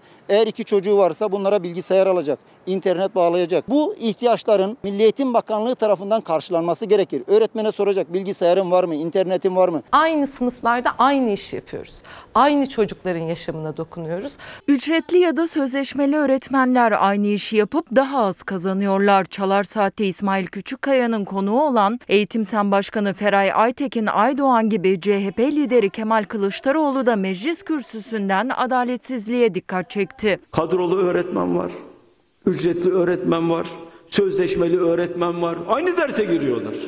Birisi 100 lira alıyor, birisi 50 lira alıyor, birisi 25 lira alıyor. Fizik bölümü yüksek lisans mezunuyum. Atanamayan öğretmenlerden bir tanesiyim. Geçimimi de e, gördüğünüz gibi şu kağıtlarla yapmaktayım. Pazarlarda esnaflık yapan, kağıt toplayıp topladığı kağıdı satıp oradan gelir elde etmek ve çocuklarını geçindirmek için çabalayan, atama bekleyen öğretmen var. Emekliliği gelmiş olan öğretmenler 3600 ek göstergeyi bekliyorlar. 100 binin üstünde öğretmen emekliyi bekliyor, 3600 ek göstergeyi bekliyor. Kılıçdaroğlu hükümetin seçim vaadi olan 3600 ek gösterge sözünün tutulması için bir kez daha çağrıda bulunurken CHP liderinin de bahsettiği yüksek lisans mezunu fizik öğretmeni Ramazan Gezer kağıt toplayarak atanmayı bekliyor. Çünkü geçindirmesi gereken 5 çocuğu var. KPSS'ye çok defa girdim. Ama atamamız yapılmadı. 24 Kasım Öğretmenler Günü. Herkesin Öğretmenler Günü'nde bu arada kutluyorum. Birilerinin de Öğretmenler Günü'nü kutlamasını isterdim. Fakat ne yazık ki ben şu anda e, bir öğretmen değil yani bir kağıtçı olduğum için e, kendimi biraz buruk hissediyorum yani. Birkaç gündür sizlere anlatıyorum. Gerek kahveciler esnafı, gerek lokantacılar, restoranlar, yiyecek sektörüyle ilgili birkaç gündür konuşuyordum. Çok sayıda tanıdığımla. Adana'dan Tayyar Zayemoğlu ile konuştum. İşte İstanbul'dan, Ankara'dan tanıdıklarımla, Gamze Cizreli ile konuştum. Onların sesini bugün ve yarın sizlere duyuracağım efendim. Ankara'ya duyurmamız gerekiyor. Ve tüketici çocuklar, ekolojik yaşam rehberi National Geographic Çocuk Özlem Özyurt. Bakın ne güzel bir dilek. Sevgili İsmail Küçükkaya'ya çocuklarımız daha güzel bir dünyada yaşasın diye. Her şey onun için değil mi efendim? Özlem Hanım'ın dediği gibi çocuklarımız daha güzel bir dünyada yaşasınlar diye. Dünyanın manşetleri az evvel sizlere Gülsüm Kav'dan bahsetmiştim. Şimdi yine bir kadın Amerika'da ilk defa bir kadının hazine bakanı olması gerçekleşiyor ve Amerika'daki medya dünyası işte bunları konuşuyor. Yarın eskiden de yine ekonomiyle ilgili çok önemli pozisyonlarda bulunmuştu. Bugün Financial Times gazetesinde manşetinde Amerika'da Trump seçim yenilgisini kabullendi ve Joe Biden 20 Ocak'ta iş başına geliyor. Joe Biden'ın ekibinde Türkiye'yi çok yakından tanıyan isimler de olacak. 20 Ocak'ta görevini seçilmiş başkan Joe Biden'a bırakacak olan Trump, işleri yokuşa sürmekten vazgeçti. Devir işlemlerini başlattı. Son olarak Trump, Biden'a günlük istihbarat bilgisi verilmesine de izin verdi. Öte yandan Biden, ekibinde yer alacak isimleri açıkladı. Biden'ın kabinesinde kadınların çoğunlukta olması dikkat çekti. Öte yandan New Jersey eyaletinde yaşayan iş insanı Derya Taşkın, Demokrat Parti adına seçici delegeler arasında yer aldı. Trump 20 Ocak görev devri için direndi. Seçimleri hile karıştığı iddialarını sürdürse de artık yapabileceği bir şey kalmadı. Biden geç de olsa Trump'ın işbirliğini olumlu karşıladı. Seçilmiş başkan kabinesinde yer alacak isimleri tanıttı. Biden'ın atadığı birçok isimle Birleşik Devletler tarihinde ilklere imza atıldı. Merkezi Haber Alma Teşkilatı CIA'nin başına Avril Haines atandı. Kongre tarafından onaylanması halinde Avril Haines teşkilatın başına geçen ilk kadın olacak. Mr. President-elect, Vice President-elect Harris, Obama döneminde Dışişleri Bakan Yardımcısı olan Anthony Blinken ise Dışişleri Bakanı olarak atandı. Biden'ın başkan yardımcısı olduğu dönemde uzun süre birlikte çalıştılar. Blinken küresel mülteci krizi, IŞİD'le mücadelede öne çıkan isimler arasında yer aldı. Biden'ın kabinesinde gündemde en çok konuşulan isimse Janet Yellen. Eski FED Başkanı Yellen'ın Biden'ın başkanlığıyla birlikte Hazine Bakanı olarak görev alması bekleniyor. Yellen göreve gelirse bakanlığın 231 yıllık tarihinde Hazine Bakanı olan ilk kadın olacak. Demokrat Parti adına seçici delegeler arasında ilk kez Türk kökenli bir isim yer aldı. New Jersey eyaletinde yaşayan Derya Taşkın, ülkede başkanlık seçimi için oy veren Seçiciler Kurulu'nda yer aldı. Evet, şimdi demokrasi meydanına bir konuğum var birkaç dakika sonra. Tam da Bülent Arınç'ın istifa etmesi, bu işleri en iyi kim bilir? AK Parti içindeki dengeleri kim bilir? Arınç'ı kim bilir? Arınç'ın istifasını, Berat Albayrak'ın istifasını kim yorumlayabilir? Bunları düşündüm. Dün bir konuk davet ettim. Şöyle birkaç dakika sonra gelecek efendim. Bu arada bugünkü baş döndürücü tempomuzdaki bu haberleri bana hazırlarken yardımcı olan arkadaşlarım. Haber masasında bugün Beyza Gözeyik var, Zafer Söken var ve Ezgi Gözeger var. Ayrıca Derya Güneş bize yardımcı oluyor. Bugün yönetmen koltuğunda İrfan Tomakin var ve Savaş Yıldız var. Dönüşümlü bana yardımcı oluyorlar. Savaş onun dışında da pek çok konuda yardımcı oluyor. Teşekkür ediyorum. Gündem çalışmamızı Nihal Kemaloğlu'yla yaptık. Kameralara baktığım zaman tam burada karşımda İsmail abim var. Erzincanlı. Burada da Mümin var. Sesçimiz de Mersinlidir. Mito, Mitat. Emeği geçen bütün ekip arkadaşlarıma ne kadar teşekkür etsem azdır. Sırada yiyecek sektörü var ama şu iki kitabı da tanıtayım ki, pardon, önce şunları tanıtacağım. Bunları da en sona bırakıyorum. Ayşenur Yazıcı, Çit isimli kitabıyla bir insan insanlıktan çıkarken birçok hayat ince kıyım doğrandı ve kimse kılını kıpırdatmadı diyor. Çarpıcı bir cümle öyle değil mi?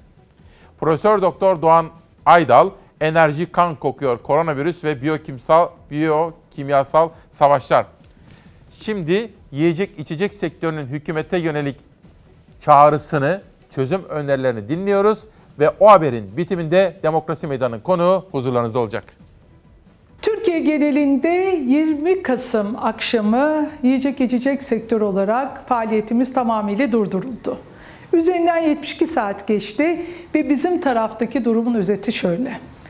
2 milyon çalışanla 100 bin işletmenin faaliyetinin durdurulmasının 3 günlük kaybı, ekonomik kaybı 950 milyon TL. Evet biz bu kayba razıyız. Taşın altına elimizi koymaya da hazırız. Ancak bir faydası olacaksa. Çünkü bizim kapanmamıza karşın AVM'ler, perakende mağazaları, spor salonları tamamen normal faaliyetlerine devam ediyorlar. Toplu taşıma araçları son derece kalabalık ee, ve biz bu sürecin bütün bunlardan dolayı daha da uzayarak vakaların azalmayacağından dolayı endişe duyuyoruz. Tüm bu nedenlerden dolayı aynı Batı ülkelerinde olduğu gibi birkaç haftalık geniş kapsamlı kapanma veya sokağa çıkma yasağının bir an önce uygulanması bu vakaların azalmasına ve bizim de bu belirsizlikten bir an önce kurtulmamıza neden olacak. Ve bütün aldığımız güvenlik önlemlerine rağmen kapatmak zorunda olduğumuz işletmelerimize bizler tez vakitte dönmek, ekmeğimizi kazanmak, hem çalışanlarımızı hem tedarikçilerimizi hem de kırsaldaki tarım üreticilerimizi daha fazla mağdur etmek istemiyoruz. Tabii esnaf zor durumda. Kahveciler esnafının sesini geçtiğimiz haftalarda duymuştuk. Yiyecek içecek sektörü de öyle. Peki bu siyasi gündem, şimdi AK Parti bir kırılma noktasında öyle anlaşılıyor. Yoksa kolay değil. Berat Albayrak istifa etti efendim. Bakın Berat Albayrak istifa etti. Bugün bu gazetelere baktığım zaman iki haftadır Berat Albayrak'la ilgili bir yazı göremiyorum biliyor musunuz? Çok manidar. Çok manidar. Bülent Arınç dün istifa etti. Bütün bunları yorumlamak istiyorum. Ama bütün bunları kim bilebilir? Bize kim anlatabilir? Bir eski başbakan. Şimdi Gelecek Partisi lideri Sayın Ahmet Davutoğlu. Hoş geldiniz. Hoş bulduk. Hoş Nasılsınız bulduk. efendim? Teşekkür ederim. Siz de iyisiniz inşallah. Sağ olun. Tekrar geçmiş olsun. Çok teşekkür ediyorum. Demokrasi Meydanı'na katkı veriyorsunuz. Eksik olmayın efendim. Sağ olun. Çok ilginç gelişmeler yaşanıyor. Tabii sizi de izliyorum. Yurt gezilerindesiniz sürekli konuşmalar yapıyorsunuz. Diğer liderlerle görüşmeler yapıyorsunuz. Ve siz de böyle bir çıtayı ve vitesi yükselttiniz deyim Evet. yerindeyse. Doğru. Çıtayı ve e, vitesi yükseltmenin dönemleri vardır. O dönemi kaçırırsanız siyasetin tarihin akışında akışında da geride kalırsınız. Biz aslında biz çıtayı yükselttiğimiz için biraz da bu gelişmeler yaşanıyor. Yani 1 Kasım'da e, e, biz büyük kongreyi yaptıktan sonra bu gelişmelerin yaşanması bir tesadüf değil. Ve e, bir, geçen sene bu vakitler Gelecek Partisi yoktu. Kuramaz dedilerdi, kurduk. Örgütlenemez dediler, örgütlendik. Örgütlenseler de büyük kongre şartlarını yerine getiremez dediler. Geldi ve 1 Kasım'da biz büyük kongre yaptık. Çok ilginç İsmail Bey. Geçen sene biz partiyi kurduktan yani 12 Aralık 2019'dan bugüne kadar 18 yeni parti kurulmuş Türkiye'de. Ondan önce kurulanlar ise bir veya iki son iki yıl içinde. Bu Bir şunu gösteriyor. var. Hareketliliği tetikleyen ve hareketliliği sağlayan ana unsur korku e, eşiğinin aşılmasıdır. O korku eşiğini kim açtı? Açık ve net söylüyorum. O korku eşiğini biz açtık. Türkiye'de kimse bu konuları gündeme getiremezken, kimse konuşamazken, Sayın Bülent Arınç'ın eleştirdiği hususlar da dahil olmak üzere. Her konuyu bundan bir buçuk iki sene önceden itibaren 10 22 Nisan 2019'dan itibaren yani muhtıra manifesto yayınladığımız andan itibaren AK Parti içindeydik o zaman ve bu eleştirilerin hepsini yaptık. Ve çok ilginçtir. Bugünlerde bir kampanya halinde yayınlıyoruz. Benim e, 22 Nisan 2019'da manifestoda dile getirdiğim hususlar Sayın Cumhurbaşkanı'nın bugün açıkladığı hususlardan neredeyse birebir örtüşüyor. Sayın Cumhurbaşkanı bizi dinlemedi. Türkiye'de otoriterliği artıran, nepotizmi artıran, akraba kayırmacılığını artıran, ehliyet ve liyakatı yok eden uygulamalara devam etti. Biz bunların hepsini Sayın Cumhurbaşkanı ben e, partinin içindeyken defalarca, üç Bizzat kez, söylediniz mi üç kez Sayın hem Erdoğan? söyledim hem sayı, yazılı rapor verdim. O raporları Sayın Cumhurbaşkanı şimdi açıp bir okusun. Kendisinin bugün söylediği hususları ben o gün söyledim. Ne zaman? 2016 aralığı, 2017 e, 2017 aralığı, 2018 Mart'ı. Şöyle sorayım efendim? Dolayısıyla bu hareketlilik 1 Kasım'da bizim kongreden sonra olması da ilginçtir. Çünkü artık Türkiye'de bir Gelecek Partisi Peki. gerçeği var ve tempoyu yükselten gerçek. Yönetmenimden gazeteleri rica edeyim. Sayın Başbakan'la okuyalım beraber, yorumlayalım. Şimdi efendim bir şey soracağım. Arınç, Arınç neye tekabül ediyor? Onu bize bir- biraz anlatın bize. Çünkü dünkü gelişme acaba bir sürpriz oldu mu bakın. Şimdi reformdu fitne oldu. Böyle bir haber Karar Gazetesi. Hani ref- aslında bunlar niye başladı efendim? Berat Albayrak istifa etti. Ya çok önemli bir olay ama bakın inanın Sayın Davutoğlu gazetelerde haber yok 15 gündür. Berat Albayrak'la ilgili çok ilginç. Oysa bu gazetelerde her gün Berat Albayrak haberleri, manşetleri, yazıları oluyordu. Çok manidar her şey. Aslında bu Türk siyasetin ne kadar kırılgan ve ne kadar bir kişinin ağzına bakan bir niteliğe dönüştüğünü gösteriyor ki bu büyük bir tehlike. Dünyanın en nitelikli insanı bile olsa bir kişiye bağlı bir sistemin başarı üretmesi mümkün değil. Berat Albayrak son iki yıllık büyük ekonomik felaketin bir, birinci derecede sorumlusudur. Bundan 2-3 ay önce ben kongrelerimizde, Adana Kongresi, Kayseri Kongresi birçok kongrede açsınlar baksınlar, herkes dinlesin. Şunu diyordum, bu cahil Hazine ve Maliye Bakanı bırakıp gidecek. Ama geride kalan enkazla uğraşmak zorunda kalacak olan bizleriz. Ve bıraktı gitti. Şimdi buradan söylüyorum. Bugün Türkiye bu otoriter eğilimlerin içine sokan bugünkü iktidar da gitmek zorunda kaldığında Türkiye çok daha ağır bir maliyetle yüzleşmek durumunda kalacak. Neden biz harekete geçtik? Neden herkes susarken bir grup korkusuz insan Gelecek Partisi'ni kurdu? İşte sebebi burada. Birilerinin hakikati söylemesi gerekiyordu. Şimdi bugün şöyle bir durum var. Dün efendim MHP lideri de önemli bir konuşma yaptı partisinin grup salonunda. Sizi de çok sizi de çok sert eleştiriyor Eleştir- Bahçeli. evet, evet. Sert eleştiriyor. E, Yargıda reform çıkışı Cumhur İttifakı'nda sancı yarattı. Arınç Yüksek İstişare Kurulu'ndan istifa etti. MHP istedi, Arınç gitti. Haberini bir izleyelim. Kısa bir haber hazırlamıştık. Sayın Davutoğlu nasıl yorumlayacak? Haberden sonra dinleyeceğiz. Siyaset eskisi bir şahsın televizyona çıkıp sarhoşçu Osman Kavala ile terörist Demirbaş'a güzellemeler yapması kelimenin tam anlamıyla çarpıklıktır hatta ahmaklıktır. Selahattin Demirtaş. Kavala bütün söylediğiniz isimlerin tedbir olarak tahliye edilmesi lazım. Bu şahsın iki suçlunun serbest bırakılmasını istemesi suçluyu övmektir, suça iştiraktir, ihanete yataklıktır. Kurul üyeliği görevimden ayrılma talebimi Sayın Cumhurbaşkanımıza ilettim ve kendileri de bunu uygun gördüler. Önce Cumhurbaşkanı Erdoğan'ın fitne tepkisi, ardından Cumhur İttifakı ortağı Bahçeli'nin sert açıklamaları. Bir gün önce istifa sinyali veren Cumhurbaşkanıyla görüşme talep eden hedefteki isim Bülent Arınç, yeni günde Cumhurbaşkanlığı Yüksek İstişare Kurulu üyeliğinden istifa etti. Yeni bir fitne ateşi yakılmaya çalışıldığını görüyor. Geçmişte birlikte çalışmış olsak bile hiç kimsenin şahsi ifadeleri Cumhurbaşkanıyla, hükümetimizle, partimizle ilişkili hale getirilemez. Cumhurbaşkanı Erdoğan'ın açıklamalarını ağır bulduğunu, rencide olduğunu söylemişti Arınç. Yeni günde de sert sözler Cumhur İttifakı ortağı Bahçeli'den geldi. Selahattin Demirtaş onun yazdığı çok güzel bir hikaye kitabı var. Bunu okudum. Bu kitabı okuduktan sonra siz Selahattin Demirtaş hakkındaki kanaatinizi belki değiştirmeyeceksiniz. Ama Kürtler ve Kürtlerin yaşadığı travma üzerinde kafanızda çok şeyler değişecek. Devran isimli hikaye kitabının okunmasını öneren bu gafil terör propagandasını alanen milletimizin gözü önünün içine baka baka yapmıştır. Demirtaş teröristtir.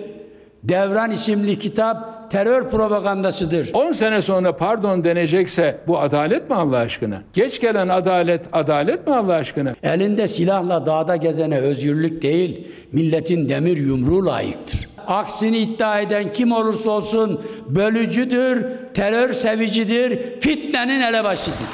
Anayasa Mahkemesi'nin tutukluluğu makul süreyi aştı dediği Demirtaş'ı terörist, onun tahliyesini savunan Arınç'ı da terör sevici ilan etti Bahçeli. Bülent Arınç, MHP liderine yanıt vermedi ama yeni günde yüz yüze olmasa da telefonla görüştü Erdoğan'la. Yüksek İstişare Kurulu üyeliğinden istifasını sundu. Cumhurbaşkanı da onayladı. Türkiye'nin reformlara duyduğu ihtiyaç aşikardır. Sayın Cumhurbaşkanımızın bu yöndeki iradesini gördüm ve destekliyorum. Ancak benim konuşmamın şahıslar üzerinden farklı zeminlere kaydırılması sebebiyle reform çalışmalarını engelleyeceğine dair kaygılandığımdan görevimden ayrılmamın daha uygun olacağına karar verdim. Hukuka sarılarak onların savunmasını yapmaya girenler kusura bakmasınlar. AK Parti hiçbir zaman bunları savunmamıştır, savunmaz. Arınç'ın yargı alanında yapılacak reformun engelleneceği kaygısıyla ayrıldım vurgusu dikkat çekti. Cumhurbaşkanlığı bünyesindeki görevi sona erdi. Hala AK Parti üyesi. Evet, Cumhurbaşkanı, Başbakanlık, danışmanlıklar, Dışişleri Bakanlığı, çok önemli makamlar, başbakanlık yapmış bir isim. AK Parti çok iyi bilen bir isim. Şimdi Gelecek Partisi'nin lideri Sayın Ahmet Davutoğlu'na soralım. Bu Arınç'ın meselesini bize bir anlatın efendim. Ne oluyor Şimdi, orada? Sayın Arınç e, herhangi birisi değil. Türkiye Büyük Millet Meclisi Başkanlığı yapmış her şeyden önce. Ve bu vasıfla Yüksek İstişare Kurulu'nda bulunuyor. Yoksa AK Partili kimliğiyle orada bulunmuyor. AK Partili birçok duayen politikacı var orada değil. Yüksek İstişare Kurulu üyelikleri, üyeliği Sayın Cumhurbaşkanı tarafından meclis başkanlarına, eski meclis başkanları ve başbakanlarına dönük olarak genelde yapıldı bu düzenleme. Şimdi bu vasıfla bir insanın fikrini beyan etmesinden daha doğal bir durum yok. Türkiye açısından bir kere buna bu, buradaki abnormalite, anormallik Sayın Arınç'ın bir fikir beyan etmesi değil. Bu fikre katılırsınız veya katılmazsınız. Ama bu fikrin bir anda fitne, terörist suçlamaları gibi en ağır suçlamalara muhatap kılınması. Problem burada. İki açıdan problem var. Bir AK Parti'nin kendi yapısı açısından bir de Türk siyaseti açısından. AK Parti'nin yapısı açısından durum şu. 2001'de bu partiyi kuran ve 2002'de iktidara gelmesine hem öncülük eden hem içinde bulunan ve yükseliş döneminde AK Parti kimliğinin oluşmasına katkıda bulunan herkes AK Parti vitrininden birer birer kenara itiliyorlar. Hı hı. Kenara itilmeleri gerekçeleri de ağır bir e, etik suç ya da bir takım yolsuzluklar falan değil. Yani AK Parti'nin kenarına itilen insanlara bakın baktığınızda ki AK Parti elinden istifa etmiş değil Arınç. Ee, bu nitelikte AK Parti kimliğin oluşmasına katkıda bulunan herkes içinde benim de olduğum. Bir de gördüğü gerçekleri dile getirdiği için kenara çekiliyor ve AK Parti'nin kimlik değişiminin yansıması bu. AK Parti'nin tabanı hala Sayın Erdoğan'a bakarak AK Parti'nin kimliğinin devam ettiğini zannediyor. AK Parti'nin Sayın Erdoğan'ın da zihniyeti değişti. Kullandığı dil değişti. Ne oldu AK Parti mesela? Neye döndü? Evrildi? AK Parti eleştirdiği 90'lı yıllara döndü. 90'lı yılların dili neyse her konuda, demokrasi konusunda, hukuk konusunda, e, Doğu Güneydoğu'daki yanlışlıklar, uygulamalar konusunda ni 28 Şubat döneminde kullanılan devlet dilini Sayın Erdoğan bugün AK Parti'ye giydirdi. Çok sert değil mi efendim bu eleştiri? Evet evet yok hayır sert değil. Çünkü 28 Şubat'ın ideoloğu olan Perinçek, ideoloğu olduğunu söyleyen Perinçek bugün AK Parti'nin izin verdiği bütün kalanlarda dolaşıyor ve AK Parti'nin e, masum kitlelerin oyuyla oluşan iktidarını aslında perde görüsünden bu, bu in- insanlar yönetiyor. Şimdi AK Parti kimlik değiştiriyor. Bunu bir kere AK Partili kitlenin görmesi lazım. Oy verdikleri AK Parti yok artık. Oy verdikleri kişilerde sembolik olarak Sayın Cumhurbaşkanı görünse bile Sayın Cumhurbaşkanı bile kendi iradesiyle davranıyor görüntüsü içinde değil. Etrafında 90'lı yılların artığı olan bir grup kuşatmış durumda ve bunların hepsinin geçmişine baksınlar. Geçmişte AK Parti'nin savunduğu değerlere saldıran insanlar bunlar. Dolayısıyla kazanımları korumak adına bugün AK Parti'yi savunan geniş kitlelerin bir muhasebe yapması lazım. Sayın Arınç son dönemlere kadar burada kaldı. Bir- Bazı şeyler söyledi. Sayın Arınç'a ke- e, kendisine de bir değişik vesilelerle söylediğim husus şu. Geç kalınmış ifadelerdir bunlar. Keşke bu ifadeler... konuştunuz tabii, mu? Hayır yani tabii her zaman görüşürüz Hayır, Sayın bu Arınç'la. son birkaç günde konuştunuz mu? Evet yani. Ne zaman? Dün akşam da görüştüm kendisiyle. Sivas'tan sonra. Tabii yani e, biz siyasi olarak birbirimizi Bir nihayet hukukunuz var tabii sonuçta. hukukumuz var. Bayramda ararız.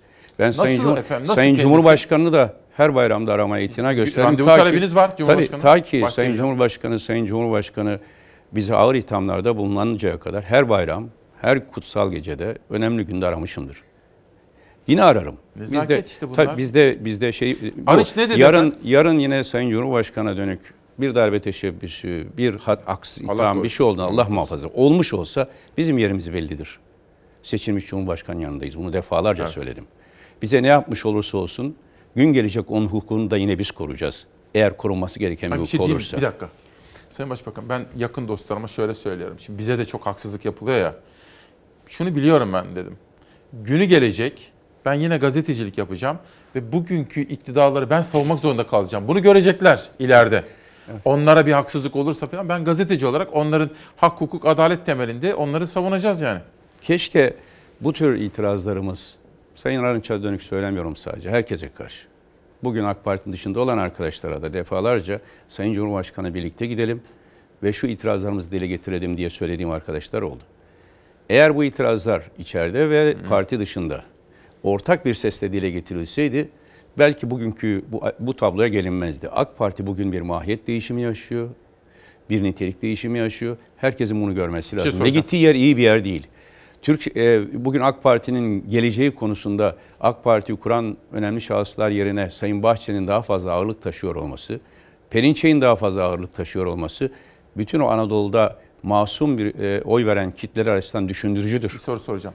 Sayın Arınç'a tabii geçmiş olsun dediniz herhalde. Yani tabii yani nihayet biraz da e, perde gerisi itibariyle e, bi- bilmemiz gereken şeyler bunlar. Takip etmemiz gereken hususlar. Dediğim gibi başka birisiyle de ilgili olsa e, bir ara, ara- arar konuşurdum.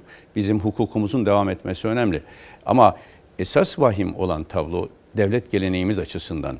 Yani bugün öyle bir durum var ki Sayın Arınç'ın söyledikleri katılırsınız katılmazsınız. Eski onu da söylüyor Türkiye bana da dün ifade etti. Türkiye Büyük Millet Meclisi eski başbaka, başkanı olarak ifade etti bunları. İlk üyesi olarak İstişare Kurulu Yayında da kaç kere değil. söyledi bunu biliyor ama, musunuz? Ama bunları ayırt dedi işte böyle ama bunları ayırt etmek ön- önemli değil. Benim benim için ilgili olan şey önemli olan husus şu. Bunlar Yüksek İstişare Kurulu'nda dile getirildi mi? Sayın Arınç getirildiğini söylüyor. Yani Yüksek İstişare Kurulu'nda dile getirilmiş hususlar ise ki öyle olduğunu söyledi bana da. Dışarıda bu yansıdığında e, eğer içeride dinlenmemişse dışarı yansıması doğal. Keşke bunlar çok daha önce, çok daha etkin bir şekilde dile getirilseydi. Yanlışlığın olduğu yerlerden birisi de Türk demokrasisi, bizim demokrasimiz ve Türk devlet sistemi açısından. Öyle bir noktaya geliyor ki bugün Sayın Bahçeli dün yine bana da dönük olarak sert ve ağır ifadeler kullandı. Kullanabilir. Biz onlar gibi davranmayız. Biz tehdit ve hakaret dili kullanmayız. Sert ifadeleri kullanma gerekçesinde de hep Serok Ahmet işini Serok Ahmet kullanıyor. diyorsa. E, ben de Siirt'te, Bitlis'te onun bu sözü üzerine sersera serçeva dedim Kürtçe. Yani baş göz üstüne eğer Kürt vatandaşlarımız bana başkan, e, e, başbakan o zaman e, ifadesiyle o zaman kullandıkları bir ifadeyi şimdi kullanıyorlarsa ben bu dile saygıyla hürmet ederim. Ama Sayın Bahçeli'nin bu eleştirileri dışında yaptığı, gerçekleştirdiği bir rol var. Bu da AK Partili bakanları ilgilendiriyor, milletvekillerini ilgilendiriyor. Dikkat edin, son iki yıldır Cumhurbaşkanı hükümet sistemine geçtikten sonra kimin istifasının durdurulacağına, kimin istifasının kabul edileceğine, kimin istifa etmesi gerektiğine, kimin yargılanması gerektiğine, kimin yargılanmaması gerektiğine nihai kertede Sayın Bahçeli karar veriyor. Bu çok vahim bir tablodur. Yani Bakın yargı yargı size. bağımsızlığı açısından da Ah Serok Ahmet ah diyor. Özgüveni falan bırak. Herkes adam oldu bir sen olamadın. Bu gidişle olman da imkansızdır. Ya manşet bu bakın. Vallahi ben başbakan oldum da Sayın Bahçeli hayatında tek bir seçim kazandı mı? Türk demokrasisinin en yüksek oyunu ben aldım. Sayın Bahçeli yüzde onları aşabildi mi? Baraj altında bıraktı 2002-2007 arasında Ama MHP'yi. şimdi iktidar. Şimdi perde gerisinde İktidar. perde gerisinde Etkili. gizemli bir koalisyonla iktidar. Biz pazarlık yapmadık diyorlar diyor. Pazarlık yapmadıysa açıklasınlar bu koalisyon iktidar hangi ilkelere dayanıyor? Sayın Bahçeli Türkiye'de demokratik değerlerin geriye gitmesinde, otoriterleşmenin artmasında, yargının bağımlı hale gelmesine birinci derecede en önemlisi de şu. Şimdi Sayın Bahçeli benim adam olup olmadığıma kitleler karar veriyor. Ben Sirt sokağındaydım, Bitlis sokağındaydım, Muş'taydım. Emin İsmail ve yürümekte yürümek imkanı yoktu gö- gösterilen ilgiden. Ve herkes Sayın Başbakanım kurtarın bizi artık diyordu. Sayın Bahçeli insin o sokağa bakalım. Yürüsün o sokaklarda. Son olarak Siirt'e, Bitlis'e ne zaman gitti Sayın Bahçeli? Ben bunu dediğimde başbakanken Tunceli'ye git, git- gitmişti bir grupla. Şimdi de Siirt, Bitlis önemli. Türkiye'nin herhangi bir yerinde insinler ve sokakta yürüsünler. İnsanlar onlara diyecek ki siz de sorumlusunuz diyecekler bu yolsuzluklardan. Bu yoksulluktan sen de sorumlusun Sayın Bahçeli diyecekler. Kaçamaz sorumluluktan. Sayın Bahçeli çok rahat bir köşede şimdi. Nasıl biliyor musunuz? Sorumluluklar Erdoğan'a ait. Yolsuzluk var mı ha, Erdoğan? Ya- Yasaklar var mı? Veya e, bir takım yoksulluk mu var? Evet biz ekmek asarız ama sorumlu Erdoğan. Bunu deyip köşesinde şu çıkacak diyor. infaz yasasında çıkmasını istediği kişiler çıkıyor. Şu istifa edecek diyor. Bülent Arınç gibi eski bir meclis başkanı Yüksek İstişare Kurulu'ndan istifa ediyor. Bu o zaman Sayın Erdoğan'a şunu sormak lazım. Ülkeyi kim yönetiyor? Sen mi, siz mi yönetiyorsunuz? Sayın Bahçeli mi? Vahim olan ise yargı sistemi açısından. Türkiye'de hiç kimse, Sayın Bahçeli dahil, ben de dahil, Sayın Arınç da dahil, Sayın Erdoğan da dahil, gerçek bir yargı ve hukuk varsa şu çıkacak, şu hapiste kalacak diyemez. Diyemez. Yargı buna karar verir. Diyorlar mı? E diyorlar tabii. Sayın e, Bahçeli, e, ismini zikrederek kişileştirmek istemiyorum. Hukukta karşı karşıya kaldığımız vahim tablo şu. Benim inandığım hukuk sisteminde ve adalette ilkeler konur, yöntem konur, kişiler ve isimler bu ilkelere göre yargılanır ya da serbest bırakılır. Bunların dünyasında ise isimler konuyor, ilkeler bu isimlere göre tanzim ediliyor. Yani şu kişi eski dava arkadaşımın oğlu, benim de dava arkadaşım suç hükümlü bile olsa çıkacak deniyor, çıkıyor. Şu kişi bunlar önemli değil. A, B, C kişiler hiç önemli değil benim için. Şu kişi ise uzun tutukluk dönemi dolayısıyla tahliye edilmesi gerekir diye Anayasa Mahkemesi kararı var ama hapiste kalacak deniyor ve kalıyor. E mesele e, Demirtaş, Çakıcı, Kavala Bakın, meselesinin, meselesinin çok ötesinde bir durum. Şimdi efendim ben meselelere şöyle bakmaya çalışıyorum Sayın Davutoğlu. Şimdi Arınç istifa etti tamam da bir de büyük fotoğrafa baktığımız zaman Berat Albayrak istifa etti. Merkez Bankası faiz politikaları ile ilgili bir takım adımlar attı. Sonra İhsan Aslan bakın çok önemli. İhsan Aslan bir açıklamalar yaptı. Önemli bir isim. Şimdi onu da sormak istiyorum. Bakın bugün Pencere gazetesi Çakıcı'ya yine sahip çıktı manşetiyle çıkmış Devlet Bahçeli ile ilgili. Hemen yanında Alaaddin Çakıcı kimdir diye bir haber görüyorum. Sayfanın altına doğru indiğiniz zaman iki haber göreceksiniz yan yana pencerede. Birisi eski AK Parti milletvekili İhsan Aslan disipline sevk edildi. Şimdi eski milletvekili denildiği zaman bilmeyenler bilebilir, bilmeyebilir. İhsan Aslan son derece önemli bir pozisyondadır.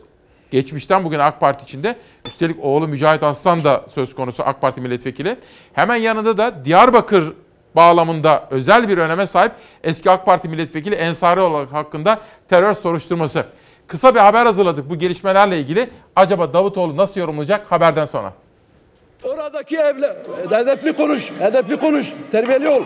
Haddini bil. Sayın Ensarioğlu lütfen. AK Partili Galip Ensarioğlu 2015 yılında YPG'li bir teröristin taziyesine katıldığını sosyal medya hesabından da yayınlamıştı. 5 yıl sonra savcılık harekete geçti. Bir terörist taziyesine katıldığı gerekçesiyle ilk kez bir AK Partili eski milletvekili Galip Ensarioğlu savcıya ifade verdi. Savcıya taziye ziyaretinin örfümüz gereği olduğunu ve ziyareti yaptığım 2015 yılında PYD-YPG'nin Türkiye tarafından terör örgütü ilan edilmediğini söyledim. Senin kaç milletvekilin terör örgütünün ailelerine taziyeye gitti? 2016 yılında dokunulmazlıkların kaldırılmasına ilişkin tartışmalar sırasında gündeme gelmişti. AK Parti eski milletvekili Galip Ensarioğlu'nun bir teröristin taziyesine gittiğine ilişkin iddialar. Doğru katıldım. Hatta birkaç kez katıldım. O zaman Türkiye PYD'yi terör örgütü olarak ilan etmemişti. Galip Ensarioğlu Kobani'de ölen bir YPG'linin taziyesine gittiğini yalanlamadı. O ziyaret nedeniyle 2019 yılında hakkında soruşturma açıldığı ortaya çıktı. Savcının ifadeye çağırmasıyla. Taziye ile cenazeye katılmak arasında fark var. Cenazeye katılmak, söz konusu kişinin yaptığı eylemi paylaşmak ve desteklemek olarak değerlendirilebilir. Savcıya verdiği ifade sonrası Medyaskop'ta Ferit Aslan'a konuştu Galip Ensarioğlu. Taziye ayrı, cenaze ayrı dedi. 2015 yılında Türkiye'nin YPG'yi terör örgütü olarak ilan etmediğini söyledi. Ensarioğlu kendisini böyle savundu. Bir AK Partili eski vekil hakkında YPG'li teröristin taziyesine gittiği için soruşturma açılması da ilk oldu. Öte yandan AK Parti Merkez Yürütme Kurulu Diyarbakır eski milletvekili Mehmet İhsan Arslan'ı disiplin kuruluna sevk etti. Arslan geçtiğimiz hafta verdiği bir röportajda parlamenter sisteme geçişin çok uzak olmadığını düşünüyorum ve 15 Temmuz bizim kimyamızı bozdu ifadelerini kullanmıştı. Durum bu efendim. Yani şimdi bakın Cüneyt Özdemir meslektaşım AK Parti yol ayrımında diyor. Ya reform ya ittifak. Şimdi bize şu olup bitenleri biraz daha anlatın. AK Parti bir yol, yol ayrımında mı değil mi? Kesin, Nedir? kesinlikle bir yol ayrımında. Aslında çok yanlış bir yolu tercih etmişti. AK Parti yol ayrımına benim başbakanlıktan ayrılmak zorunda bırakıldığım süreçle aslında bir yol ayrımına girdi. Hem mutevada girdi, ondan sonraki gelişmeleri takip ediyor edin. Özgürlük yerine güvenlikçi politikalar, özgürlük güvenlik dengesini yeniden keşfediyorlar. Benim bunu akademik dile kazandıran benim. Ve AK Parti literatürü içinde de kullandık. Şimdi şi- özgürlükten güvenliğe kayan bir dil benimsendi. Efendim e, e, ekonomik alanda son derece ehliyetsiz kadrolar iş başına getirildi. Birçok faktörle bakıldığında yol ayrımı orada başladı. Yöntemde başladı. İlk defa AK Parti içinde AK Parti'nin genel başkanı ile ilgili son derece çirkin, ahlaksızca bir e, bildirinin arkasında AK Parti yöneticinde de olduğu bir bildirinin arkasında duruldu ve bir yere gelindi. O yol ayrımının uzanımlarıdır bunlar. Ondan sonra olan değişikliklere baktığınızda yoksulluklar, yoksul e, yasaklar ve yolsuzluk konusunda AK Parti'nin tam da e, kendisinin itiraz ettiği, reddettiği çizgiye geldiğini görürsünüz. Yasaklarda en yasakçı niteliklere büründü. Bugün reform yapacaklarını söylüyorlar. Reformu yapsınlar. Eski başbakanlık, kendi başbakanlarının belli televizyonlara çıkışı yasaklandı. Hala çıkart, çıkart, çıkamıyorsak bir yasaklar dünyasında yaşadığımız için. Çıkamıyor musunuz? E tabi size çıkıyoruz. Birkaç bazen yolda sokakta vatandaş soruyor niye belli kanallarda görünüyorsunuz diye. Çağırmıyorlar, Çünkü davet diğerlerinde hayır davet etme değil. Bir yokladığımız zaman yakla- yokladığımız zaman da kusura bakmayın durumu biliyorsunuz diyorlar. Şimdi bu e, değişim yol ayrımı o zaman başladı ve ayrıla ayrıla öyle bir yere geldi ki şimdi AK Parti düştüğü yerden maalesef ülkeye de içine soktuğu felaketlerden Sayın Cumhurbaşkanı yeni- yeni bir yol ayrımında. Ya reform diyerek bizim bıraktığımız yere geri dönecek. Nedir o? Avrupa Birliği'nden vize muafiyeti istenen, Avrupa standartlarında bir demokrasi, e, yetkin ehil insanların ekonomik kadrosuna geri gelerek ekonominin Liyakat. düzeltilmesi, liyakat, ehliyet, liyakat ve yolsuzluklara karşı net ve kesin mücadele. Ya bu yola girecek ki ben ümit ve- şey, şey, pek ümitli değilim bu konuda ya da ittifakı sürdürüp yolsuzlukların, yasakların ve yoksulluğun arttığı, derinleştiği bir Türkiye tablosuyla yüzleşip iktidarı bıraktıklarında hayırla anılmayacakları bir noktaya gelecekler. Son dönemde gerek bizim büyük kongremizi yapmamızda AK Parti tabanından bize doğru bir geniş e, kayma olduğunu görmesi Sayın Erdoğan'ın büyük kongre yaptık. Onlar çok iyi biliyorlar. Benim Muş'ta nasıl karşılandığımı biliyorlar. Muş valisi beni karşılayan konvoya müdahale etti. 300 araçlı konvoy yu yasakların bitmesine 2 saat kala dağıtmaya kalktılar. Çok iyi biliyorlar. AK Parti'nin tabanından Gelecek Partisi'ne doğru derin bir kayma olduğunu. Bunu durdurabilmek için İkincisi dünyada Trump'ın gidişiyle o otoriter devlet an- şey lider anlayışının gidişinin e, Joe Biden gel- gel- gelmesi ve Avrupa Avrupa'ya ve Amerika'ya dönük mesajlar veriyorlar. E, üçüncüsü de Berat Albayrak'ın istifasıyla AK Parti içinde artık dokunulmayacak, istifa etmeyecek denilen isti- e, son kişinin bir istifa etmesi ve feda edilmesiyle ya da kendisini istifa etmesiyle af falan yok orada isteme yok. Açık bir şekilde Berat Albayrak Cumhurbaşkanlığı makamına hakaret etmiştir. Altını çiziyorum. Niye efendim istifa ediyor? Yani Hayır. istifa etmek İstifa- hakkı değil mi? Yöntemine diyorum. Çünkü İstif- herkes onu eleştiriyordu. Tamam. Bırakıyorum dedi o, zaman ben. şöyle olacak. Bir gece yarısı Instagram'la değil. Cumhurbaş istifa kime yapılır biliyor musun? Üst makama yapılır. Yani gider Cumhurbaşkanı'na konuşur. Bunu ben de onurlu bir şekilde yaptım. Baktım ki artık ilkelerde anlaşamıyoruz. Yolsuzluklarla mücadelede anlaşamıyoruz. imar yasasında anlaşamıyoruz vesaire vesaire. Cumhurbaşkanı'na konuştum ve kamuoyuna konuştum. Tweetimde benim bir istifa tweeti yok. Şimdi burada Cumhurbaşkanlığından habersiz bir şekilde ve de kamuoyunun önünde hala biz Berat Albayrak'ın ispat, ispatı vücut ettiğini görmedik. Kamuoyuna çıkıp bir istifa açıklaması yaptı mı Berat Albayrak? Yapmadı. Instagram'la istifa. Bu hem Cumhurbaşkanı'na hakarettir. Çok net söylüyorum. Türkiye Cumhuriyeti tarihinde böyle bir istifa rezaleti görülmedi. Ama efendim ne olduğunu Hem de- bilmiyoruz ki biz orada. Şimdi mesela Berat Albayrak bırakmak ister mi normalde ama bıraktı ve bir şey oldu galiba orada. ne oldu? Haber yapamıyor gazeteler Tabii, ya. 36 tabii. saat Şimdi haber yapamadılar. bakın Bülent Arınç'ın istifası üzerine bu kadar yorum yapıldı. İlkten istifa etti ve aslında Türk siyasetini derinden etkileyecek Hala bir olay Parti'de. değil. Tabii derinden etkileyecek bir olay değil. Nihayet Sayın Arınç Evet. istifa etti. Ekonomi gidişatı ilkten istifa etti. AK Parti'den değil. Ama he- günlerdir tartışılıyor. Yani Tabii. son 24 saatin en önemli konusu. Berat Albayrak'ın istifası konuşulmuyor. Şu anda Berat Albayrak ismi yasaklı bir isim gibi. Şeyden değil, bizim gibi yasaklı değil. Efendim düğmeye basıyorlar. Ha, evet. Bakın bugün Berat Albayrak'la ilgili konuşulmasın diye talimat Tabii, veriyorlar. Tabii. Aynen Biliyoruz öyle. hepsini. Aynen son 4 yıldır Davutoğlu ismi şeyde geçmiyor. Bizimki pozitifinden yani halk halkın teveccühü olmasın diye bizim ismimizi yasakladılar. Berat Albayrak nefret devam etmesin de unutulsun ismi diye onun ismini yasakladı. Arada Yani böyle AK bir fark Parti var. içinde bence Berat Albayrak'la ilgili bir hareket olsun olmasın böyle şeyler de olabilir. Haber Şu ileride- yaptırmıyorlar inanılır Bakın gibi AK Parti kongrelerinde Sayın Cumhurbaşkanı erteledi. Pandemiye bağladı bunu. İki sebebi vardır bunun.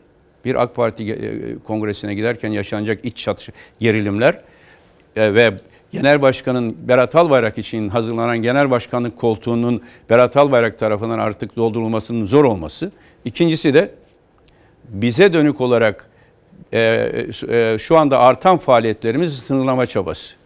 Dolayısıyla bütün bu gelişmeler şunu söylüyor, Türkiye bir yol ayrımında. Bu yol ayrımının şeyleri de belli. Ya Türkiye kendi içine kapanık, otoriter bir devlet anlayışını sürdürecek ya da özgürlükçü, dışa açık bir devlet, e, demokrasi anlayışını. Biz ikincisini savunuyoruz. Şimdi efendim bir reklama gideceğiz.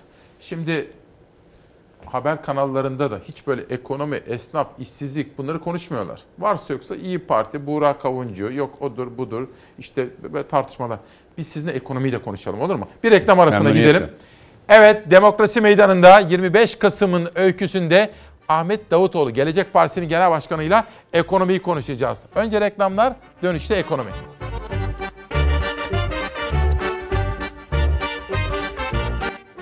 Efendim günaydın, hoş geldiniz. 25 Kasım 2020 Çarşamba sabahında İsmail Küçükkaya ile Demokrasi Meydanı'ndasınız. Bir genel başkanı ağırlıyoruz. Bu ülkede başbakanlık yapmış bir isim. Gelecek Partisi lideri Sayın Ahmet Davutoğlu.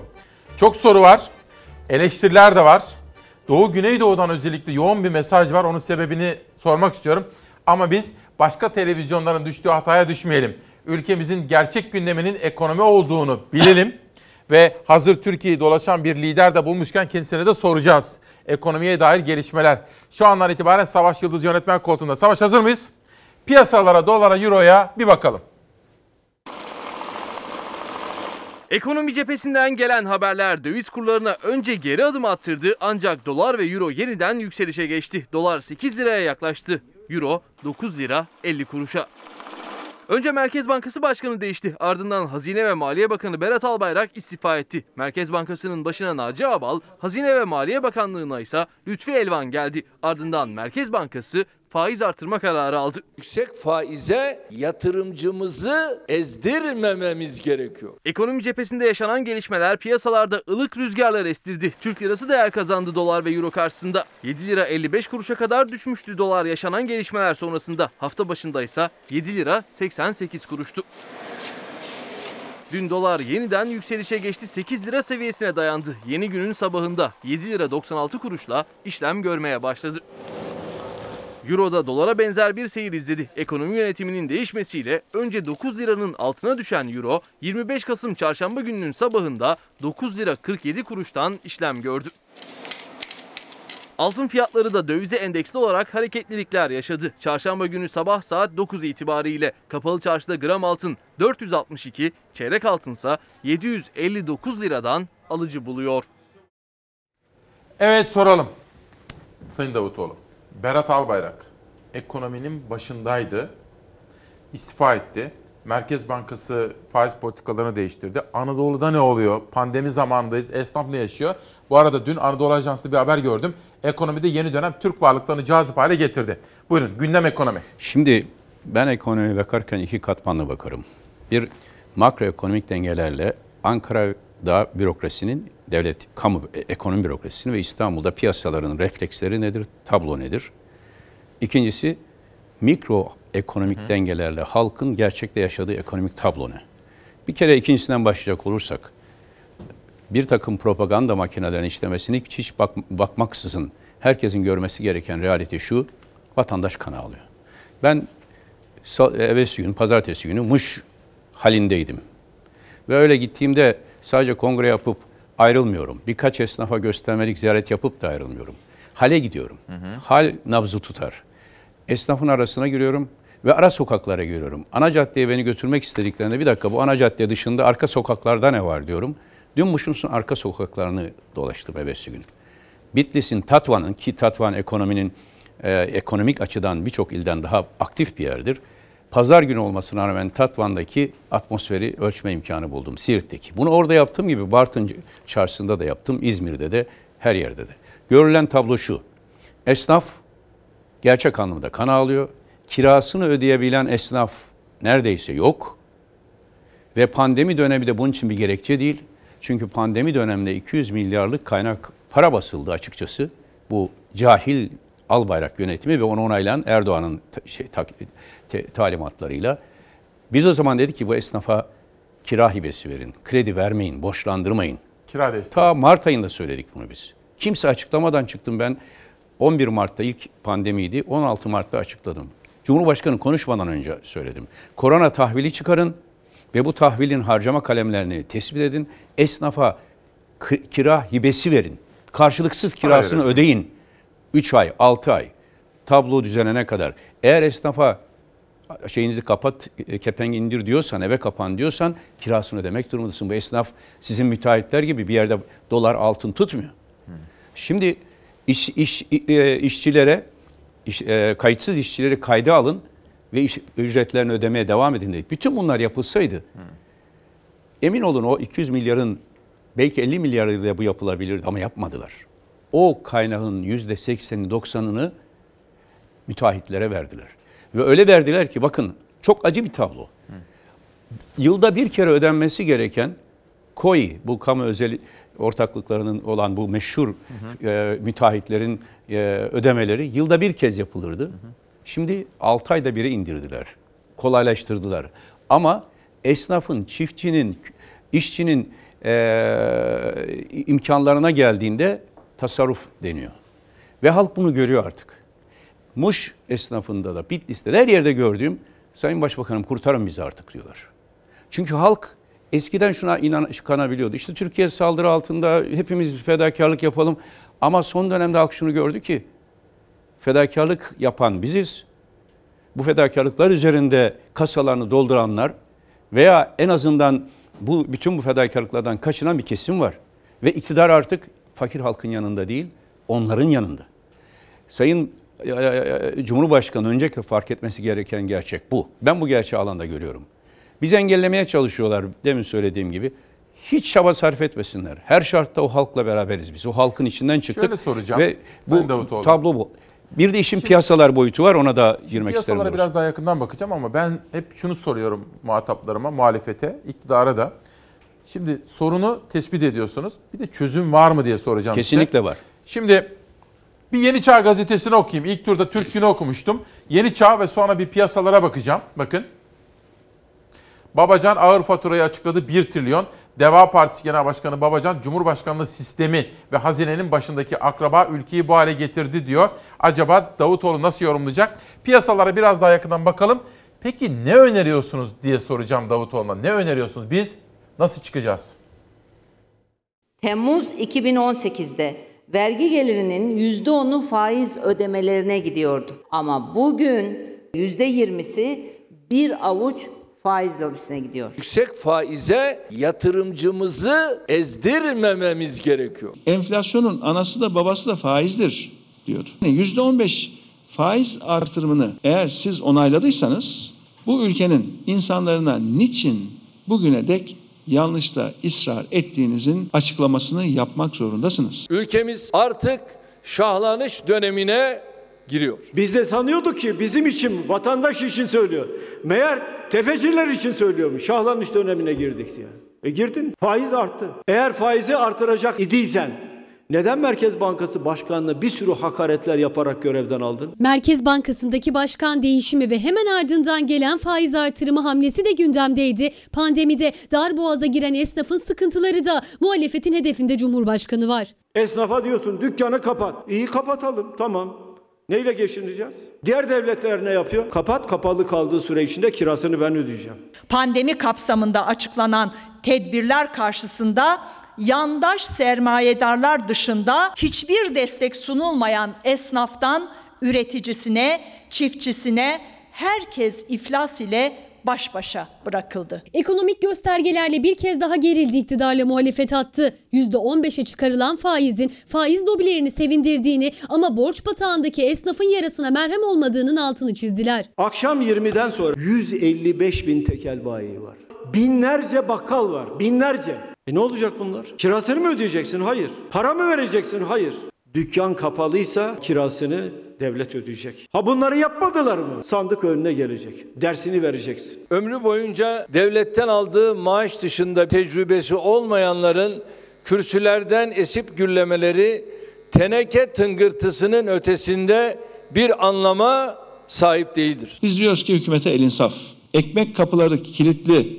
Hala vatandaşlarımızdan siz vergi toplamak derdindesiniz ya. Kısıtlamalar kapsamında geliri yok olma noktasına gelen hatta kepenk indiren esnafın sesini şikayetlerini dillendirdi muhalefet liderleri. Vergi yapılandırmasının da altını çizdiler. Kısıtlama varsa devlet de desteğini artırmalı çağrısıyla. Restoranlar kapalı, kahvehaneler kapalı. Hiç olmazsa o süre bir kira yardımı yapın. Ekonomi, piyasalar, dolar bütün bunlara baktık. Nasıl efendim ne vaat ediyorsunuz mesela? Şimdi millete? bizim vaatlerimiz yeni değil. Heh. Biz Mart ayında pandemi şartları ortaya çıktığında çok net bir tablo çizdik ve bugün diğer muhalefet partilerin dinlendirdiği hususları 16 Mart'ta ben dile getirdim. Söylediğim şeyler çok netti. Pandeminin arkasına saklanmayın. Ortada başarısız, beceriksiz bir ekonomi yönetimi var. Yapmanız gereken işçi e, kayıtsız işçileri kayda almak, esnaflara kredi e, değil, hibe, kira hibesini ilk o zaman söyledim. Çiftçilere özel destekler vermek ve gelir adaletinin bozulmasını engellemek için bu bastığınız 200 milyar basacak olduğunuz o zaman daha yeni aşamadaydı. Bütçenin içine alın, denetimi açık hale getirin ve her ay nereye harcadığınızı ortaya çıkarın. Sonra da 15 Haziran e, daha bu sene ekonomide gelecek modeli teklifinde bulunduk. Şimdi karşı ve o zaman da anlattık. Üç fazlı bir e, çözüm önerisi getirdik. Birinci fazda ekonominin kaybolan dengelerini rayına oturtmak. Şimdi yeni gelen ekonomi yönetimi bunu bir kısmen yapmaya çalıştı. Nedir bu? Biz o zaman karşı çıkıyorduk. Diyordu ki e, bu BDDK'nın aktif rasyosu denilen uygulamaları kaldırın. Perde gerisi kapa e, ardında yapılan döviz operasyonlarına son verin. Şeffaf bir ekonomi yönetimi izleyin ve bütçelendirilmiş yani bütçenin içine çekilmiş kaynaklarla bunu kullanın. Bunun bir kısmını yapmaya çalıştılar ama o etkiyle işte dolar biraz düşe geçti ama sonra Sayın Bahçeli'nin açıklamaları, Sayın Cumhurbaşkanı'nın açıklamaları bütün o tabloyu bo- e, değiştirdi. Tekrar 8 liraya çıktı dolar. Şimdi öyle bir tabloyla karşı karşıyayız ki makroekonomik dengeler açısından. Bu cahil ekonomi yönetiminde 2018'de Berat Albayrak Hazine Maliye Bakanı olup Cumhurbaşkanlığı hükümet sistemine geçişinden bu yana Türk lirası dolar karşısında %87 değer kaybetti. Dünyadaki kayıplara bakıldığınızda hepsi yüzde üçler, beşler, onlar civarında e, Rus parası gibi e, Brezilya parası gibi. Kümülatif enflasyon %36. Benim bıraktığım dönemle karşılaştığında dolar kaybı %300'lere varıyor. Kur kaybı. Ve Türkiye'nin ülke riski 229'lardan 580'lere çıkmış. Yine gelişmekte olan ülkeler arasında en kötü performans Türkiye'de. Kimse bunu pandemiye falan bağlamasın. Bütün ülkeler aynı şartlardan geçiyor ve Türkiye kaybediyorsa buna bakmak lazım. 1994'te reel e- efektif döviz kuru değerlendirmesine geçti Türkiye'de. Geçildi. O günden bugüne en düşük Türk lirasına bugün sahibiz biz. Birinin bunun hesabını vermesi lazım. Şimdi bunun hesabını vermeden aktör kenara çekildi. Yeni aktörler geldi ama etkisi bir hafta 10 gün sürdü. Birinci faz Peki bu. nasıl tersine çevireceğiz? Şöyle çevireceğiz. Bir kere doğru olan şeylere doğru İkinci diyeceğiz. Fars. Bir kere BDDK'daki bütün o e, BDDK kanunda aykırı olan bankacılık düzenlemelerine son verilecek. Perde gerisi Merkez Bankası'nın operasyonları durdurulacak, swap işlemleri serbest bırakılacak. Kamu e, e, kambiyo vergisi kaldırılacak. Bunu yaptılar. İkinci fazda ise kurumsal yapılanmaya geçilmesi lazım. Yani TÜİK'in, BDDK'nın, e, efendim Merkez Bankası'nın bütün bu e, felakete yol açan kadrosu tümden değiştirilmelidir. Tümden. Çünkü kötü veri yani TÜİK'in verdiği yanlış veriler Türk ekonomisine güveni sarsmıştır. Şimdi biz iktidarda olsak şu an yapacağım, bugün sabah Evet. itibariyle yapacağım şey şudur. Bütün bu kurumların bu felaketi açan kadrolarını devre dışı bırakırım. Ehliyet ve liyakata göre geçmişte bu kurumlarda görev yapmış olanları geri getiririz. İkincisi yabancı para altın düzeyinden borçlanmalara son veririz. Ee, ve bu bağlamda ona da karar aldılar. Bu bağlamda BDDK'nın ve yeniden yapılandırılması ile bankacılık sistemini sağlam bir zemine oturturuz. Varlık fonunu derhal hazine devredip sonra da doğal yapısı içinde tasfiye ederiz. Varlık fonunun Türkiye'ye zararı büyük olmuştur. 1,5 milyar dolarlık borçlanmaya çıktığı varlık fonu kimse alıcı çı- çıkmadı. Çünkü Türkiye'ye güven kalmadı. İkinci fazda kurumsal yeniden yapılanmaya önem verirdik. Ve güven unsuru, güven oluştururduk. Çok sağlam bir tasarruf paketi açıklardık. Ama bu tasarruf paketini acı Kamudan, devletten. Tabii bu tasarruf paketini acı acı reçeteyle halka değil, halktan değil. Bugün bakın Muş'ta ne dedi halk biliyor musunuz? Yolda çekti. Trafik cezalarından bunu aldık dedi. Bunlar bütçe açıklarını trafik cezalarla kapatıyor. Bir yıl içinde toplanan trafik cezası bu yıl 10 milyar Türk lirası ceza. 10 milyar Türk lirası. Yani sen hazineye de gedik açacaksın, halkın halka acı reçete uygulayacaksın. Acı reçeteyi nereye uygulardık biliyor musunuz? Beştepe'nin harcamalarına uygulardık önce.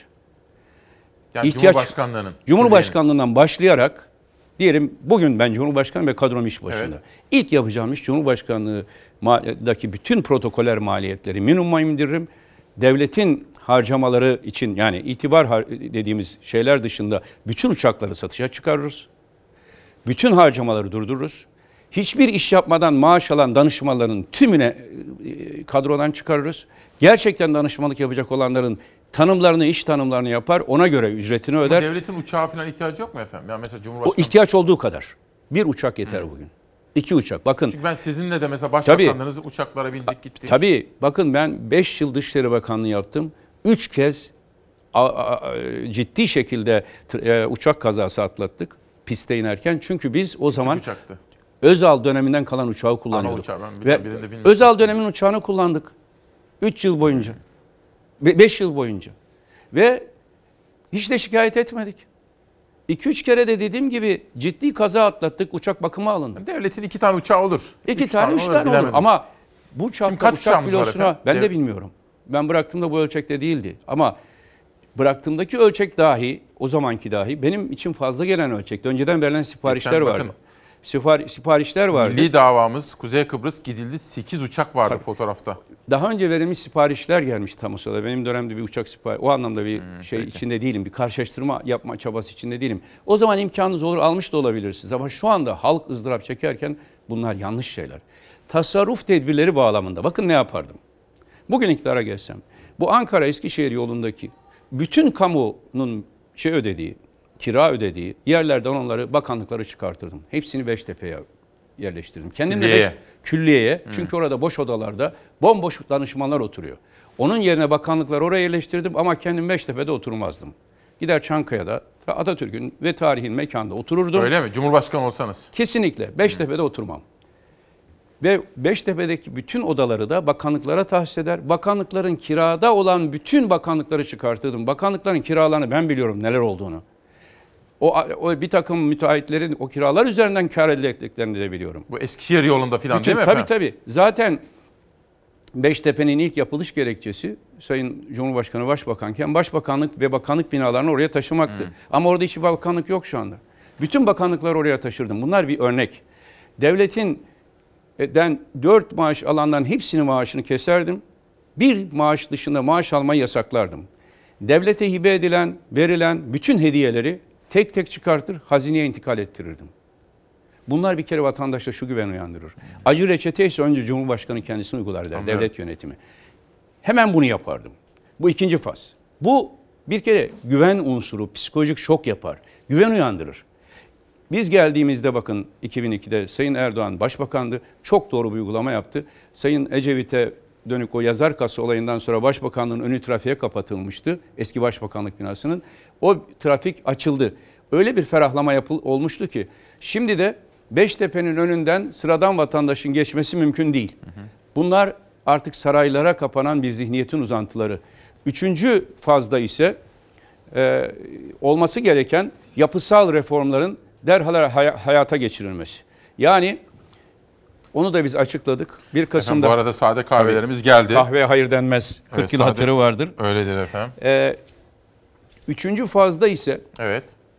yapısal reformlara geçerdik. Yani parlamenter sisteme geçiş.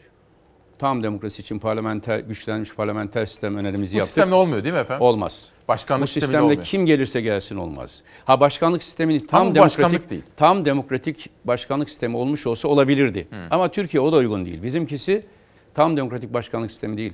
Aç altını çizerek söylüyorum. Latin Amerika modeli başkanlığa gidiyor Türkiye.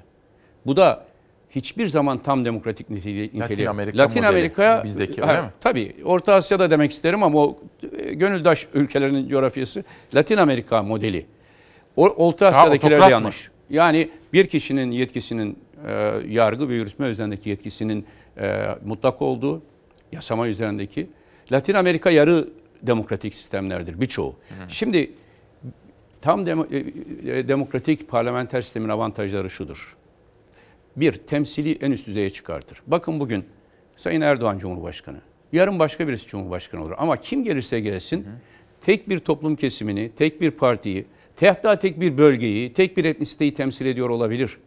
Ama Türkiye Cumhuriyeti gibi imparatorluk bakiyesi bir ülke birçok toplumsal kesim bünyesinde barındırıyorsa mecliste bunun hepsi yansır. Hepsi yansır. Ve toplumda A, benim de orada temsilcilerim var der. Bugün yukarıya Peştepe'ye baktığında birçok insan kendini temsil edilmemiş görüyor. Bizim teklif ettiğimiz sistem temsille istikrarı sağlayan bir sistemdir. Ve yepyeni özgün mekanizmaları devreye soktuk. Şimdi Sayın Cumhurbaşkanı diyecek ki siz eskiye dönüşüm istiyorsunuz. Hayır. Biz eskiye dönüş istemiyoruz. Ne 1924'ün çoğunlukçu e, sistemini, ne 1961 Anayasası'nın vesayetçi sistemini, ne de Cumhurbaşkanı ile benim aramda ihtilafa da sebebiyet veren 82 Anayasası'nın melez vesayetçi sistemini. öneriyorsunuz? Önerdiğimiz şey şudur. Tam yetkiye sahip e, parlamentodan meclisten çıkmış başbakan ve bakanlar kurulu bütün toplumu temsil etme kabiliyetini haiz ama yetkisi sorumluluk dengesi gereği e, sorumsuz olduğu için yetkisiz de olan bir cumhurbaşkanı ve ha- e, bağımsız bir yargı, etkin bir meclis, etkin milletvekilleri ve her an hesap vermeye hazır bir yürütme erki ama güçlendirilmiş bir yürütme erki. Şunu diyecekler.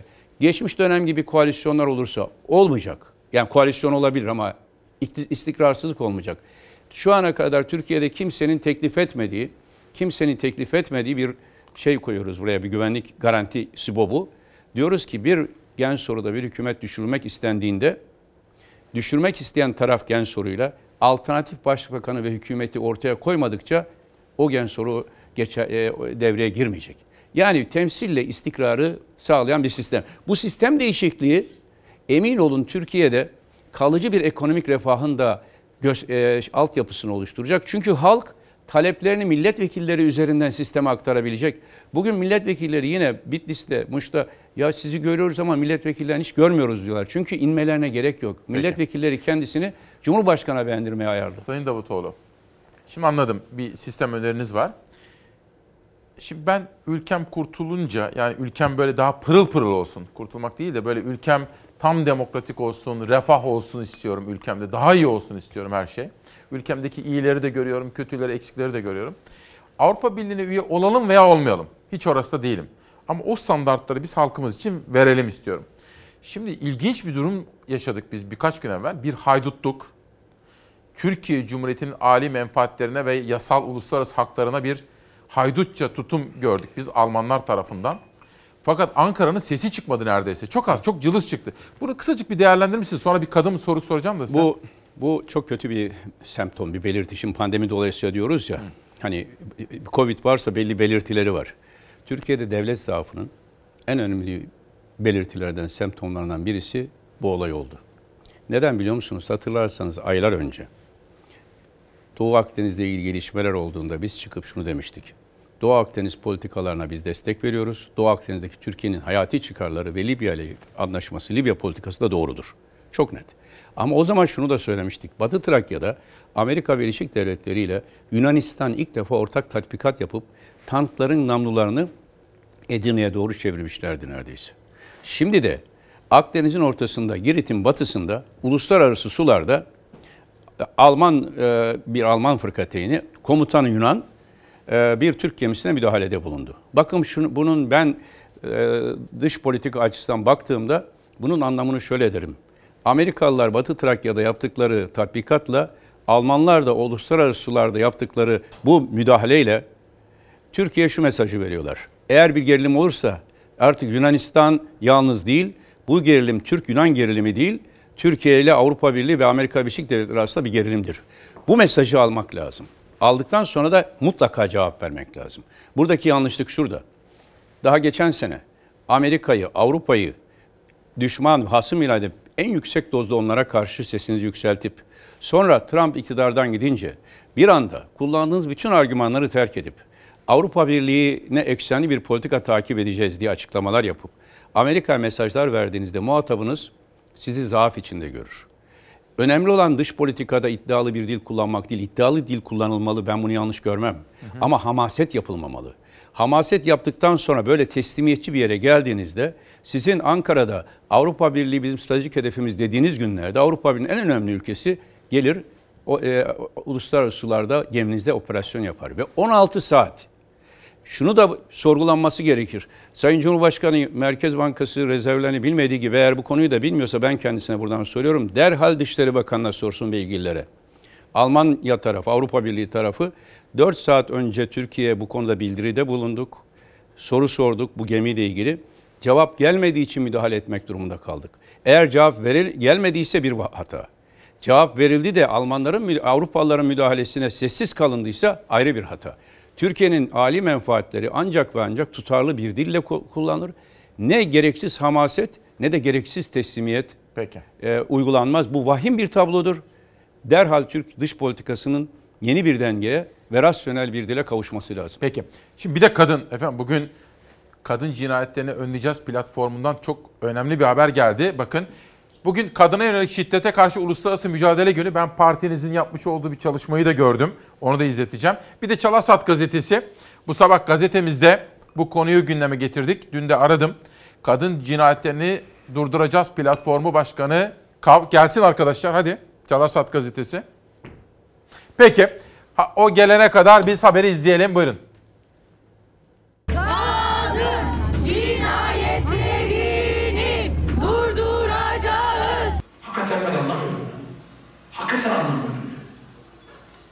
Şiddet nedir nedir? Kadına vuracağına kendine vur. Bu ülkede kadın erkek eşitliği vardır. Bu ülkede kadının şiddete uğraması, şiddet yüzünden katledilmesi, yakılarak, darp edilerek öldürülmesine layık değildir. Kadınlar öldürülüyor. 25 Kasım kadına yönelik şiddete karşı uluslararası mücadele gününde Türkiye'nin karnesi yine iyi değil. 2020 yılının başından itibaren 214 kadının öldürüldüğü medyada haber oldu. Kadınlarsa kadına şiddete çözüm bulabilmek için veri bankası gerek diyor. Aile Bakanlığı'nın, İçişleri Bakanlığı'nın öldürülen kadının kim olduğunu, nerede öldürüldüğü, hangi konumla bu öldürmeye giden yolun hayata geçtiğini, yaşının, eğitiminin, medeni halinin, istihdam edilip edilmediğinin bilgilerini vermeli. Bir veri bankası yok. Kadınları kimin, nerede, neden ve nasıl öldürdüğü konusunda veriler depolanıyorsa da paylaşılmıyor. Biyanet her yıl medya taraması yaparak kadın ölümleri verilerini ortaya koyuyor. Medyada yer alan kadına şiddet haberlerine göre 2020 yılı başından 21 Kasım'a kadar 214 kadın öldürüldü. İçişleri Bakanı ise aynı dönem için 234 kadının öldürüldüğünü söyledi. 2019'da 336 yükselmeyi de söylüyoruz, düşmeyi de söylüyoruz. 20 Kasım itibariyle de 2020'de 234 kadın aile içi ve kadına yönelik şiddet kapsamında yani 62-84 kapsamında cinayet olarak hayatını kaybetmiştir. Bakan Soylu'nun kadına yönelik şiddetle mücadele mülki idare amirleri eğitim seminerinde açıkladığı verilere göre 2019'dan 2020 yılına kadın ölümleri %24 azaldı. Ancak kadın hakları savunucuları bu bilginin dayandırıldığı verileri talep ediyor. İçişleri Bakanı e, Sayın Soylu dedi ki kadına karşı şiddet konularında yüzde bilmem ne oranlarında bir azalma var. Neye göre, kime göre, hangi veriye göre diye bir ekleme yapmamız gerekiyor. Çünkü bizim elimizde bir veri noktası yok. Belki Sayın Soylu'nun elinde vardır ama onu da biz bilmiyoruz. Türkiye Kadın Dernekleri Federasyonu Başkanı Canan Güllü, veri bankası eksikliğine dikkat çekti. Güllü, 25 Kasımlarda çözüm odaklı kararlar almaya davet etti. İçişleri Bakanı ise aile kavramına vurgu yaptı. Yapacağımız tek bir iş var. Aile kavramına sıkı sıkı sarılmak. Uluslararası İstanbul Sözleşmesi'nin uygulanması adına Adalet Bakanlığı'nın bütün yargı mensuplarına bu konuyla ilgili eğitimleri verelim. İllerde yerel yönetimlerin sığınak açmasını temin edelim. SEDAV kadınlara karşı her türlü ayrımcılık sözleşmesi ve İstanbul Sözleşmesi'ni dile getirmekten çekinmeyelim. Bugün özel bir sabah ve Gelecek Partisi lideri Ahmet Davutoğlu'na soralım. Efendim şimdi BBC seçmiş Gülsüm Kavda kadın cinayetlerini önleyeceğiz platformunun başkanı. Bir doktor kendisi aynı zamanda yani doktor ve etik işte Sare Hanım gibi. Evet. E, o, o konularda da özel çalışıyor, dersler de veriyor. Son sözü kadınlarla ilgili size bırakmak isterim. Şimdi e, bugün kadına yönelik şiddete karşı mücadele günü. Bu hepimizin siyaset üstü bir şekilde ele alması gereken bir konu. E, kadın onurunun e, hayatta yaşanmadığı bir yerde demokrasiden, insan haklarından bahsetmek mümkün değil. Maalesef Türkiye'nin bu konudaki karnesi iyi değil. Bu karne iyi olmadığı için bir kadın cinayetleri üzerinden Türkiye Avrupa İnsan Hakları Mahkemesi'nde mahkum edildiği için İstanbul Sözleşmesi'ne giden süreçte Dışişleri Bakanı olarak bu konuya sahip çıkmıştım. Çünkü nihayetinde kadınlarımız bizim e, e, korumamız gereken varlıklar demiyorum. Çünkü kadınlar korunmak korunmak için değil, onurlu bir hayat sürmek için korunmaya muhtaç hale gelmişse kadın zaten insan haklarından ve kadın haklarından bahsedemeyiz. Bütün bu süreçte gerek Dışişleri Bakanı olarak, Başbakan olarak da birinci derecede bunu önceliğe aldım. Çünkü hepimiz için bir bu bir vicdan meselesi, bir insanlık meselesi. Gelecek Partisi olarak da her aşamada ve her yerde bununla mücadele. Bir üyemizi de Çatalca'da Gül Hanım'ı kaybetmiştik kadın cinayetlerine. Bizzat gittim o mahallede, o insan şeylerle, vatandaşlarımızla beraber oldum. Acı yüreğimizde hissediyoruz. Ama kadına vuracağına kendine vur söylemiyle kadın cinayetleri engellenmez. Vurma söyleminin şiddetin her türüne karşı çıkmadıkça kadına karşı şiddet, çocuğa karşı şiddet, çocuk hakları ile ilgili de geçtiğimiz günlerde yıl dönümü vardı. Koruyamayız. Biz şiddetin tümüne, şiddet kültürüne karşı bir kampanya başlatmak durumundayız. Ve kadına yönelik e, şiddet konusunda da ayrımsız ve hiçbir şekilde tavizsiz uygulamalarda bulunmak zorundayız. E, bu bağlamda hem bir bilinçlendirme, hem bir yasal tedbirleri etkin uygulama anlamında kapsamlı bir çalışmayı Gelecek Peki. Partisi olarak da yürütüyoruz. Bir bu konuda bir tanıtım videomuz da var. Bu çerçevede onu yarına vereceğim. Yarına vereceksiniz. Evet. Yarına Son olarak bir kesime daha borcum olduğu için onu da zikredeyim. Anladığım ki sonuna doğru yaklaşırız. Dün de öğretmenler günüydü. Benim evet. meslektaşlarımın günü. Dün çıkam çık, değil de bugün çıktığım için onları unutmayayım. Aha. Bütün öğretmenlerimin, öğretmen meslektaşlarımın gününü kutlarım ve burada da öğretmenlik meslek kanunun bir an önce çıkması ve atama bekleyen öğretmenler konusunda ek göstergenin 3600'e çıkması çıkartılması sure, uygulanması suretiyle 100 bin öğretmenin emekli ayrılması sonrasında bu atama taleplerinin de karşılanacağını düşünerek derhal 3600 ek göstergenin uygulanmasını gerekli görürüm. Sayın Ahmet Davutoğlu Gelecek Partisi lideri çok teşekkür ediyorum. Ben teşekkür Demokrasi ederim, olun. katıldınız. Sevgili izleyenler bizimle birlikte olduğunuz için çok ama çok teşekkür ediyorum. Yarın sabah sürpriz bir sabah olacak yine. Görüşene kadar esen kalın, sağlıkla kalın.